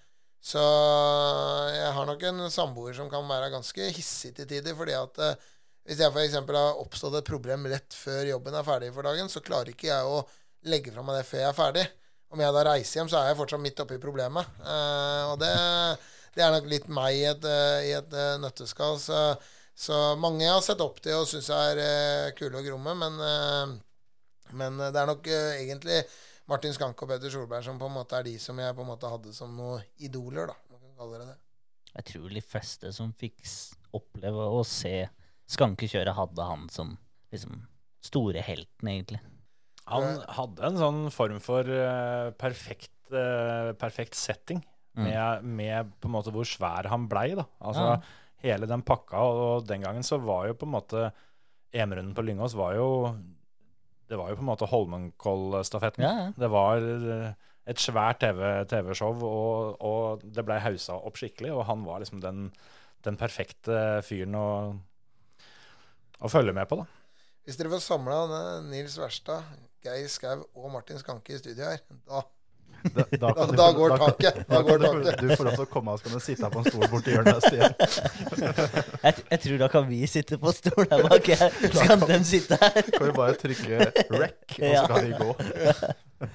Ja, men Som vi snakka om tidligere, at det, eh, Vi var jo heller aldri noe sånn eh, rallycross eller bilcross-fan, sånn sett. Eh, Familien Det var jo formel det gikk i, som regel hos oss. Men ja, under EM på Lyngås der, da, da tok faderen meg med dit for å se skanke, liksom, da, og få oppleve skanke i, i storhetstida. Mm. Og det, det, det glemmer jeg aldri. Jeg glemmer aldri bilen hans der, liksom. Det, Jeg, jeg tror nok også altså Jeg har vært så heldig at jeg får være med på Monza. Eh, kommentert deg. Da sitter du rett foran startstreken i sånn der liten bu. Eh, og den der lyden som er der, den finner du kun igjen ett sted, og det er i rallycross. Altså den derre hinsides Den der intensiteten da, som er idet det bare liksom drar av gårde der i starten. Og på Lingås, da hvor de liksom på en måte kom rundt den første svingen der eh, Jeg var heldig, for Ford hadde en VIP-tribune rett ved siden av starten her. Der fikk vi være med. Så jeg sto helt nede av gjerdet der. Sikkert derfor jeg er litt sånn hørselsskada i dag. Eh, men altså, det der, den, den farta altså, som de får liksom før de er rundt første svingen der, det var helt sjukehus, altså. Jeg, jeg husker fortsatt uh, det første bilcrossløpet jeg kjørte på Lyngås. Og den følelsen av å sitte på startplata der og vente på at du skal kjøre hit, og tenke på at her har liksom alle de store gutta kjørt. da. Og her har jeg liksom sett på TV, jeg var her da jeg var liten og sånn. Det heatet, jeg husker liksom første runden, jeg hadde gåsehud hele første runden. Det, det var, var helt sinnssykt, faktisk. Lyngås var så stort, det. Ja, Jeg, vil jo gå så langt og liksom begynne å dra inn spa og Nybering og litt sånne type ting. Altså i forhold til den derre jeg, jeg tror ikke det er Det er på en måte sånn at vi nordmenn i hvert fall, vi kan vel hver millimeter av den banen. Om du lukker øya, så er det alle som har litt bilinteresse, kan vel egentlig kjøre den banen oppi hodet sitt, altså. Eh, så det er klart at det er sånn som når eh, panseret løsna på Ludvig Kunstvedt, liksom, eh, og han kom hoppende over inn i start, eller i målsvingen der, da, med panser oppå det, det, det, det er liksom Da blir eh, dessverre Formel 1 litt sånn uh, kjedelig, altså. Det gjør det. Akkurat det klippet der sånn, det var på NRK Jukebox, husker jeg. Da jeg var yngre. Jeg brukte mye penger på det panseret der. Altså, for å se det om igjen og om igjen og om igjen. om igjen. Det var før YouTube. ja, det var sånn der, Hva er det det heter for noe sånn TV Hva er det for noe TV-damene? Mest TV og sånn. Ja, sånn hvor de satt og Du kunne sende meldinger til dem på, Ja, ja, på ja. telefon og Det er litt som du driver på Twitch nå. Ja, det er litt samme greia. Men du har jo prøvd denne dirt eh, challengen vår, eh, Stian, og da var det rally. Det er jo Du har jo ikke vært så mye borti det, men du har prøvd det, så, så vidt jeg vet. På ekte. Ja, jeg har, jeg har faktisk prøvd en både gruppe N eh, rallybil og en eh, Skoda VRC. Så det er eh, Det var heftige greier, for å si det sånn. Det er ett viktig punkt, da. At jeg kjørte aldri med noter. Nei. Og det merka jeg veldig godt når jeg skulle kjøre her også, at jeg er og dårlig til å høre på andre mennesker, altså. Det, det sier kjerringa også, så det er liksom ikke noe nytt, da. At uh, jeg skulle nok helst ha lært meg banen først, og så kan jeg kjøre fort. Det tror jeg nok ligger litt i nøkkelen. For alle disse hårnålene jeg, tror jeg, jeg tror jeg er den som har hatt flest piruetter på denne konkurransen. Der er vant jeg noe. Ja, det kan hende. Jeg tror du, jeg tror du vinner i distanse som er kjørt, eh, kjørt um, i revers. Ja, ja det, det tror jeg også. For at jeg var eh, Det var hver gang de hornhornene kom, så Å nei, der var den, ja! Skulle dit. Men så er jo, du er jo da et konkurransemenneske ut av rang, da. For da, tidligere da så sendte du meg melding at eh, hvor mange treningsrunder får jeg? For jeg er litt nervøs for det rallygreiene som vi skal gjennom etterpå. Ja, det hadde jeg jo all grunn til å være også. Det gikk jo åt skogen. Bokstavelig talt. Så, så jeg eh, tenker det at jeg, jeg har fått med meg at andre har trent litt og sånt. Og da jeg føler litt på det at jeg, jeg hadde faktisk ikke noe PlayStation. Jeg gjorde et uh, lite forsøk på, å få prøvd det, men jeg klarte jeg, Tida strakk ikke til, altså. Men uh, nei. eh, Da, Jeg- da, da begynner jeg å like det her, altså når gjestene begynner å, liksom, å prøve også å få forberedt seg for å få vært med her. Det er kult. Jeg tenkte på det der mens jeg så du kjørte første treningsturen, at eh, her er det jo en som vi ser eh, faktisk tjener penger på å selge reservedeler. For det, det spruta ganske greit med deler av den bilen. Ja, altså, jeg, jeg tror jeg hadde ett hjul som ikke hadde punktert når jeg kom i mål på første runden der, så det var ikke galt i det, tenkte jeg. Tenkte du da sånn, ok, de dekka deg, innkjøpsprisen det er det, da tjener jeg det. Nå, nå, er det, nå, nå er det jo sånn at, eh, at eh, jeg er litt sånn selvsikker på mine produkter, så da sier jeg det at hadde jeg fått mine dekk på, så hadde jeg jo ikke punktert. Nei, ikke sant. Da hadde du jo vunnet, jo. Mm. Så, så, så, det, så det er der problemet ligger, rett og slett. Ja, og så tror jeg det er samme med deg som det var med Nils. Altså, hadde jeg fått én tur til, så hadde det gått et halvtime fortere. Og... Ja, ja, ja, ja, ja helt klart. Ja, Det så du jo fra første til andre turen, at det gikk jo nesten Nei, det gikk saktere, da. Det var sånn bare Det var, det var sånn som Nils sa, da han fikk lov å kjøre et par timer til, så han hadde vært ferdig før han begynte. Men jeg får gi deg rett uh, i én ting, da. For jeg, jeg har jo faktisk uh, kjøpt dekker og og, kjørt på dem som du har hatt. Jeg har aldri punktert. Nei, Så nei. det er beste, beste dekka jeg har eh, kjørt bilcross med, var de der Kumo-hjula som, jeg- som jeg kjøpte av deg. Anbefales til alle. Ja, Ja, de jeg har kjørt med òg, det. Ja. Ja, ja, ja, de er fine, de. Det, det der var en fin fordeling, gutter. Dere to kjørte, jeg dro og henta dem. Ja, Jeg gjorde all jobben i forkant, dere Ja. brukte dem. jeg liker det. De sliter seg ikke sjøl, Terje, så det må gjøres. Det er sant, det. Men vi, vi trenger ikke utsette det lenger og ta med hva resultatet blei på denne challengen her. Og der har vi da eh, fortsatt Stian Ormestad på førsteplass. Og så kan vi begynne i bånn. Da har vi Fredrik Brenna Lund, han har brutt. Så er det Nils Henrik Verstad, og så går du inn på en sjuendeplass. Så du har, du har Fredrik bak deg, og Nils. Ja, det var jo, var jo de to største racingtalentene. Men så sa jeg i stad at eh, han skrøt at det var han og Petter Solberg som har eh, tjent penger på dette. Men jeg har faktisk tjent penger på å kjøre, drive med motorsport. Og det er ikke alle som har gjort, så da får jeg gjemme meg bak det. Det er ikke så farlig om jeg ikke er så god.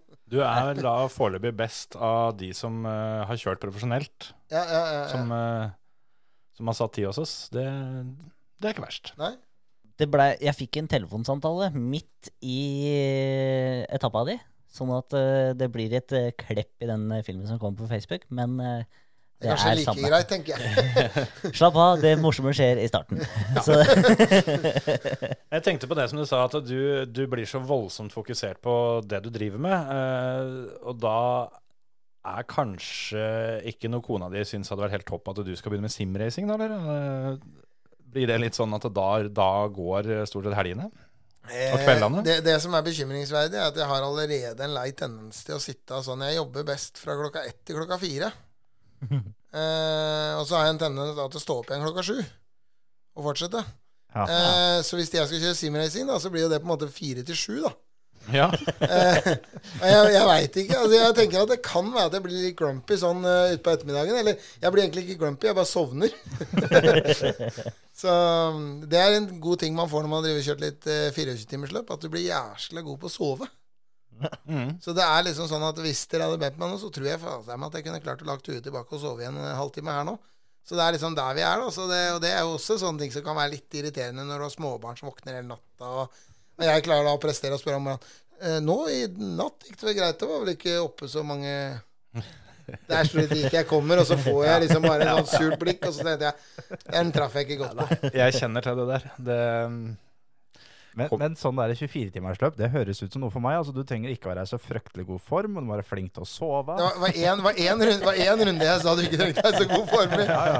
Det er eh, Ja, men det du her, skal eh, få nå er kjørt ny... et par timer. Da tenker jeg du får kjenne på skrotten. da er en ny karriere på gang her for meg nå. Altså. ja, ja. Vi, vi, vi leda et, et, et 24-timer på Nybring.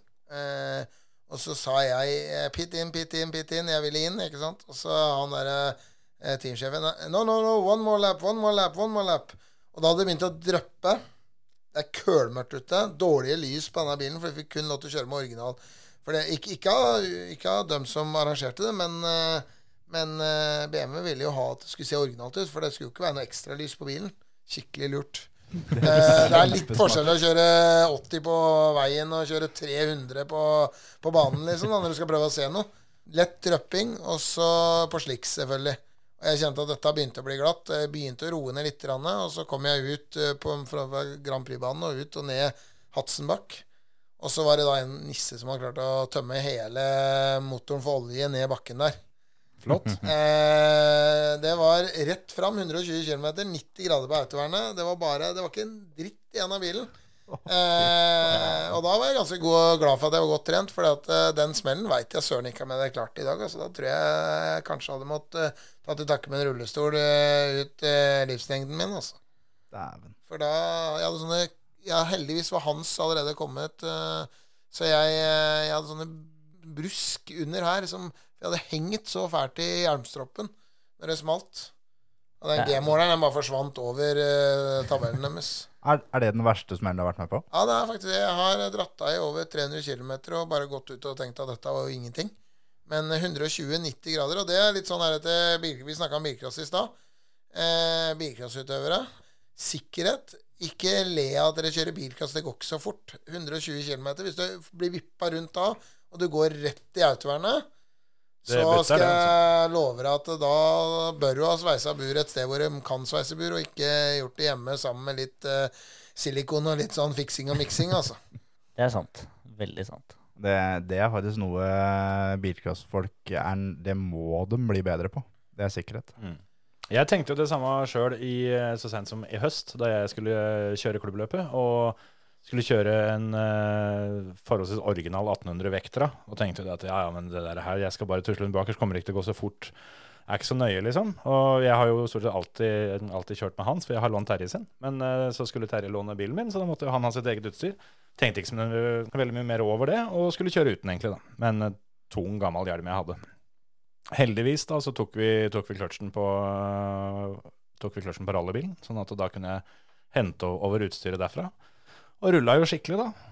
Og da fant du det at sjøl om du har eh, en sliten drittbil som du tror ikke går fort, så det går an å få skada seg litt eh, om du ikke har eh, ordentlig sikkerhetsutstyr. For det, jeg hadde nok hatt litt vondt i nakken etterpå da hvis ikke jeg hadde kjørt med hans. Jeg husker det fra gokart-tida at eh, de avkjøringene som er blitt gjort i høy hastighet, det er ikke de som er verst. Det er ikke de jeg husker som var ordentlig ille. Det var de når det gikk litt sakte, du treffer bare på riktig punkt. At uh, Si det går på Varna, da, inn mot uh, siste svingen, f.eks. Går ikke kjempefort der, men treffer du dekka helt riktig, så kan det gjøre jævlig vondt. Ja, det er veldig riktig, og det er, vel, eh, det er vel det som er på en måte det farligste med, med motorsport, uansett hva du driver med, er jo at det butter. Og det er jo det f.eks. det at de nå begynner å bytte ut og gjøre på en måte sånn som disse her eh, klossene som nå blir putta rundt på gokartbaner, f.eks. Hvor du ser at det blir mye skader på kartene, og det er jo mange som sutrer over, men det du legger merke til, er at det, kartene stopper ikke. De bare følger på en måte disse klossene eller boksene nedover, kan du si. Og derfor så blir det ikke noe bråstopp lenger. ikke sant? Og jeg så en som mista bremsene, som kom ned bakken på Varna eh, gokartbane, og, og bare forsvant rett inn i de der boksene. Det var helt sinnssykt åssen de absorberte krafta. Altså. Og den smellen tror jeg hadde vært ganske heavy hvis det bare hadde stått et, eh, et gjerde der, sånn som det gjorde før. Ja, eller da dekk, da, som gjør at det blir spretter tilbake igjen. Da får du dobbel, eh, Ja. dobbel kraft. Ja, nei, det, ja. Så, så der er det det, det det er helt klart den derre smellen er å prøve å unngå. Og, og det, det gjør vondt i Du kjenner det i kroppen dagen etter altså, når du har vært med på en skikkelig smell. Altså det, eh, der ble han jo kjørt rett på sjukehuset og fikk full uh, sjekk holdt jeg på å si, både foran og bak. Men uh, uh, jeg skjønte jo i ettertid hvorfor de hadde vært så nøye på å sjekke meg. Da, med in, in, altså organene. Ja, organene. Mm. Eh, ja. Ja, det er viktig det er, fordi det er mye du ikke merker sjøl. Faktisk, du kan føle deg fin, men organene dine kan ha liksom fått en skikkelig smell. da. Ja, nei, det, det er, og det er jo samme med den smellen som Petter eh, Solberg hadde i Rally Tyskland også. Det var jo den der eh, sinnssyke butten de fikk, ikke sant, som Det var jo den som var ille. Mm. Det at de rulla etterpå, var jo på en måte greit nok, men det var jo den der Det, det stoppa jo momentant. Mm. Når du så det, så tenkte du, tenkte du at ja, faen, det var løp over, liksom. Men, men du ser ikke den derre den uh, som han får inni, inni bilen der, da, hvor det butter skikkelig på den første der.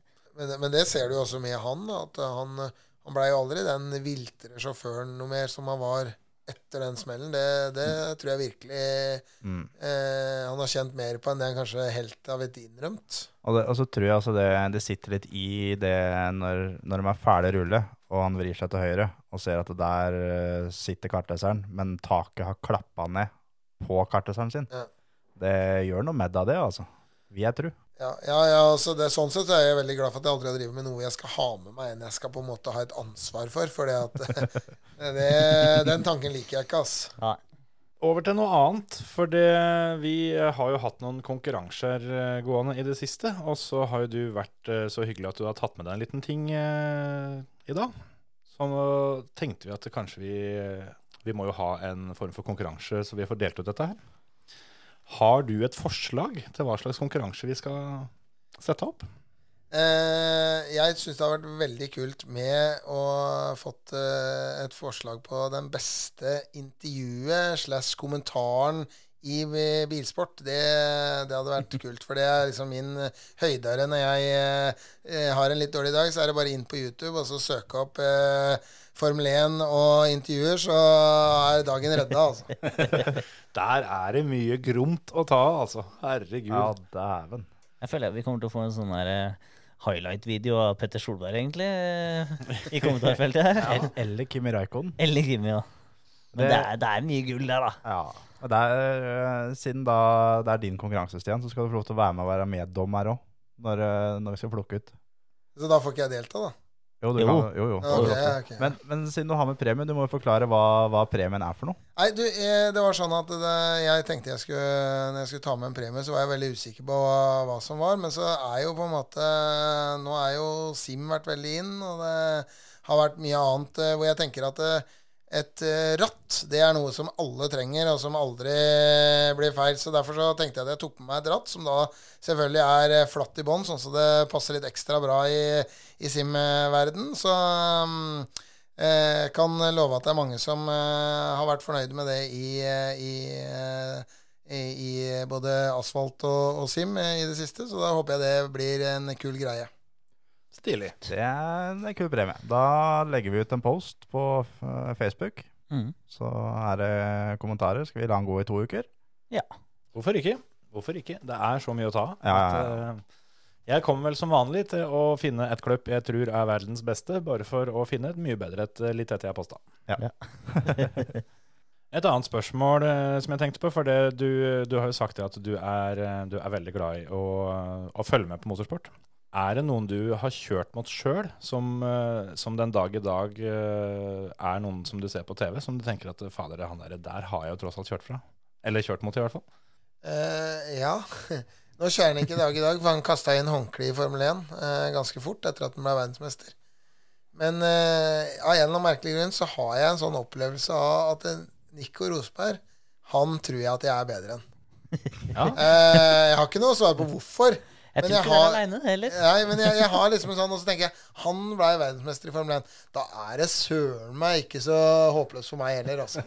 Så hvis om at det dersom at det, så, så er det mulighet for å bli verdensmester i Formel 1. Det verste er at jeg er helt enig med deg, at jeg tror det er bedre enn han. Mm. Men han er jo en del, eh, spesielt på rundt alderen din, som har kjørt mot og, og fighta sammen med. Og jeg tipper det er ganske mange som, som sier akkurat det samme.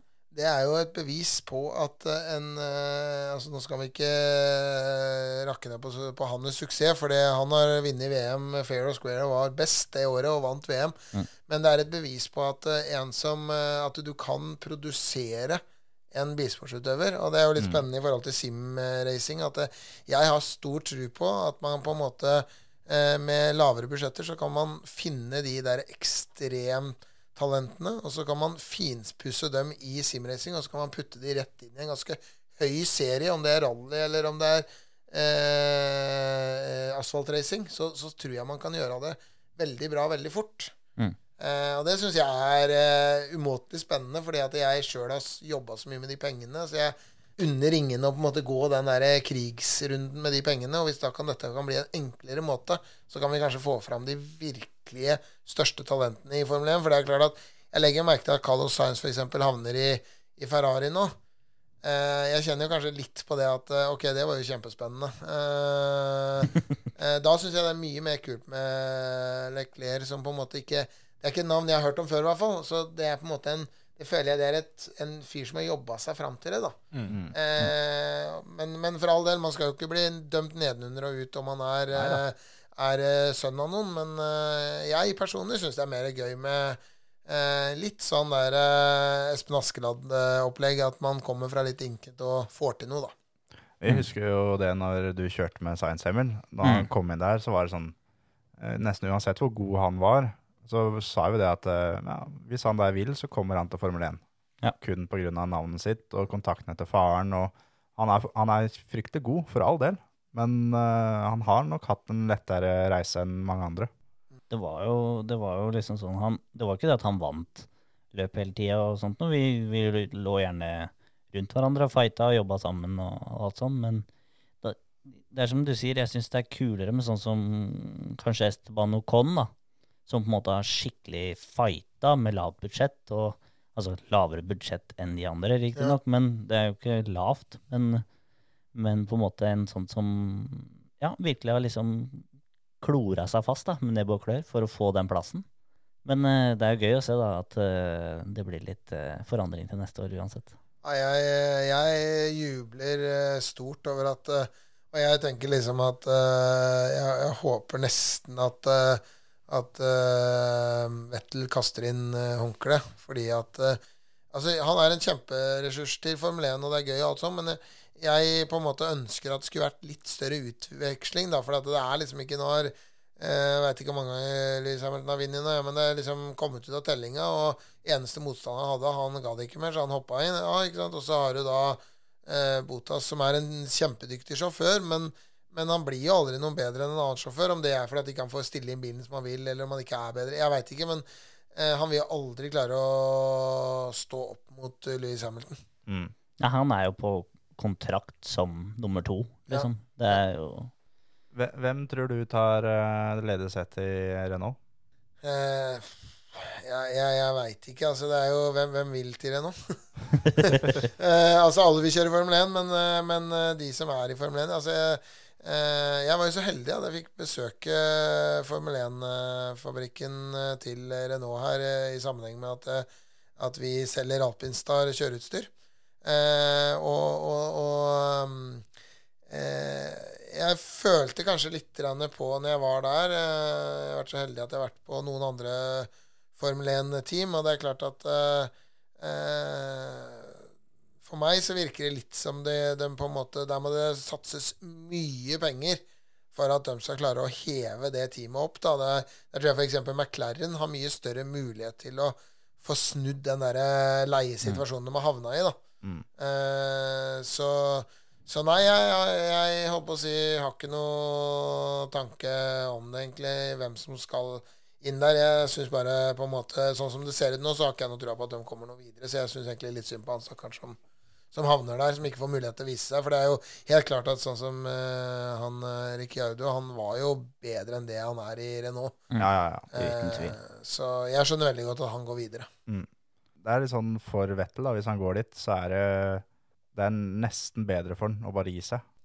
Ja, ja jeg, jeg, jeg, jeg, henger ikke helt med på hva, det, det, kom som lyn fra klar himmel for min del at Vettel på en måte forsvant. Jeg skjønte at det ikke har vært helt krem der, men jeg håper å si Når Ferrari på en måte har tilbudt den så mye, så tror jeg søren meg Altså, Jeg kunne godt kjørt Formel 1 for bare to millioner i året også. Ja, altså. ja, Bare dekka utgiftene, egentlig? Ja, ja, altså, ja, Nei, ja, er litt krevende først få muligheten. Men uh, Bare du hadde fått kjørt med dine egne hjul og sånn? Ja, ja, ja, ikke sant, ja.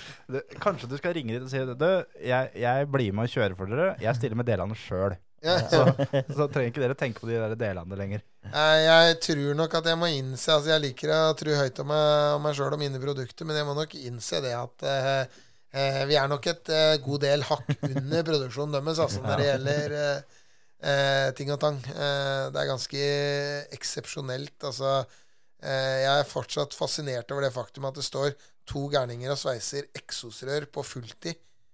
Altså 365 dager i året står de og sveiser eksos. Altså liksom Du får sveisa noen meter med eksos da, i løpet av et år. Det går en Det er liksom jobben din. Ja, ja, er, her står vi, liksom. Så ja. Det er sjukt. Det, det, er sånne som jeg tror hvis folk spør hva jobber du med, da? Det er sånn Nei, Renault Formel 1-time. Du sier ikke det. Nei, du skjønner det. Jeg sveiser eksos. Ja, men, men, tenk hvor prestisje det er for de da, at uh, eksosen de sveiser, har vunnet altså verdensmestertitler og masse løp og ja. Det må jo være Jeg hadde sagt det. Nei, vet du hva. Jeg sveiser Reksosen til Formel 1-time til Renault. Ja. Og du kan tenke på at det er ganske mange andre som også sveiser eksos, som ikke jobber i Formel 1. Yes.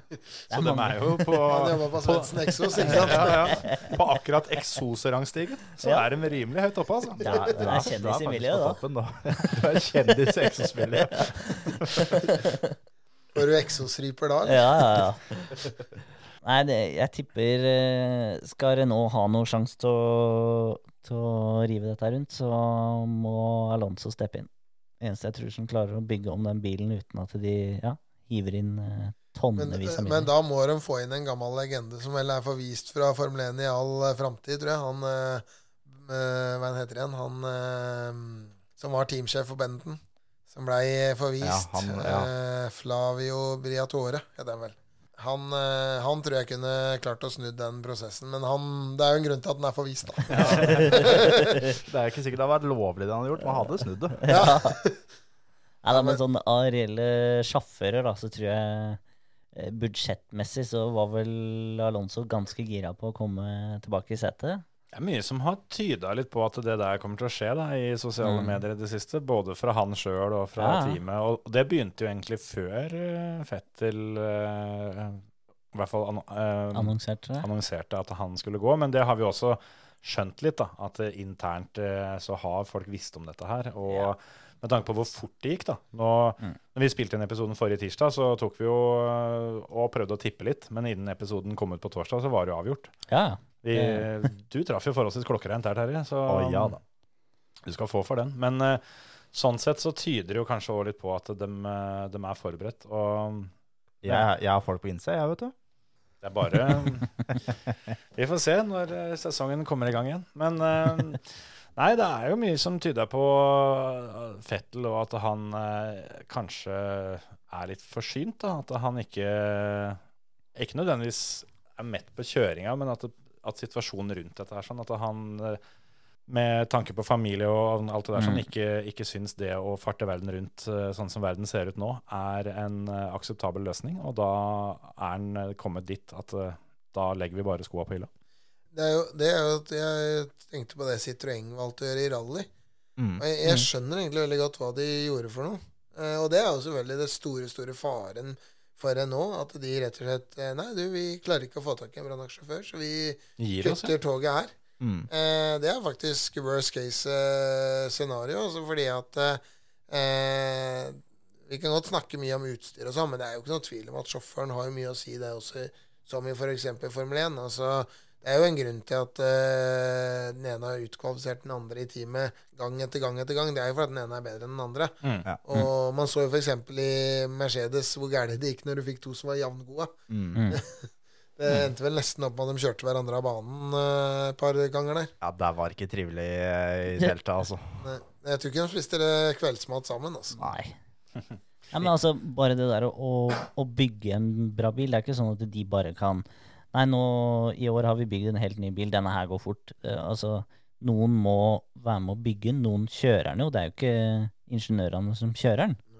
Og det er så jævla viktig samspill, og hvis ikke det, det samspillet der funker, og, og sånn som Alonso er jo ekstremt flink på detaljer, hvordan han vil ha bilene, flink til å bygge biler som går fort, og har eh, så sjukt mye kunnskap. sånn at, eh, jeg tror eh, de må redde seg sjøl og hente inn en gammel traver som har gjort det bra i, i blå og gule farver, da, tross alt. Det, Ikke sort og gul. nei, jeg, jeg, jeg, jeg har ikke noe tro på at det blir bra. Jeg tror ikke de får det til. Fordi at det det har er- aldri fungert før, så eh, da blir det i tilfelle unntaket, på en måte.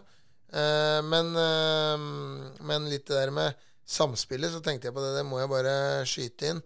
Jeg vet ikke om dere er klar over men når et Formel 1-team er på løp, så sitter det et komplett team Mm. hjemme i, på fabrikken og eh, følger med. Så eh, han som har venstre framhjul, han, det sitter en som har venstre framhjul der også. Altså, så det hele tida skal kunne Hvis det er én som blir sjuk, da, så skal det kunne flyse inn en annen som er helt oppdatert på alt som har skjedd gjennom hele helga, og veit alt like godt som han han tar over for.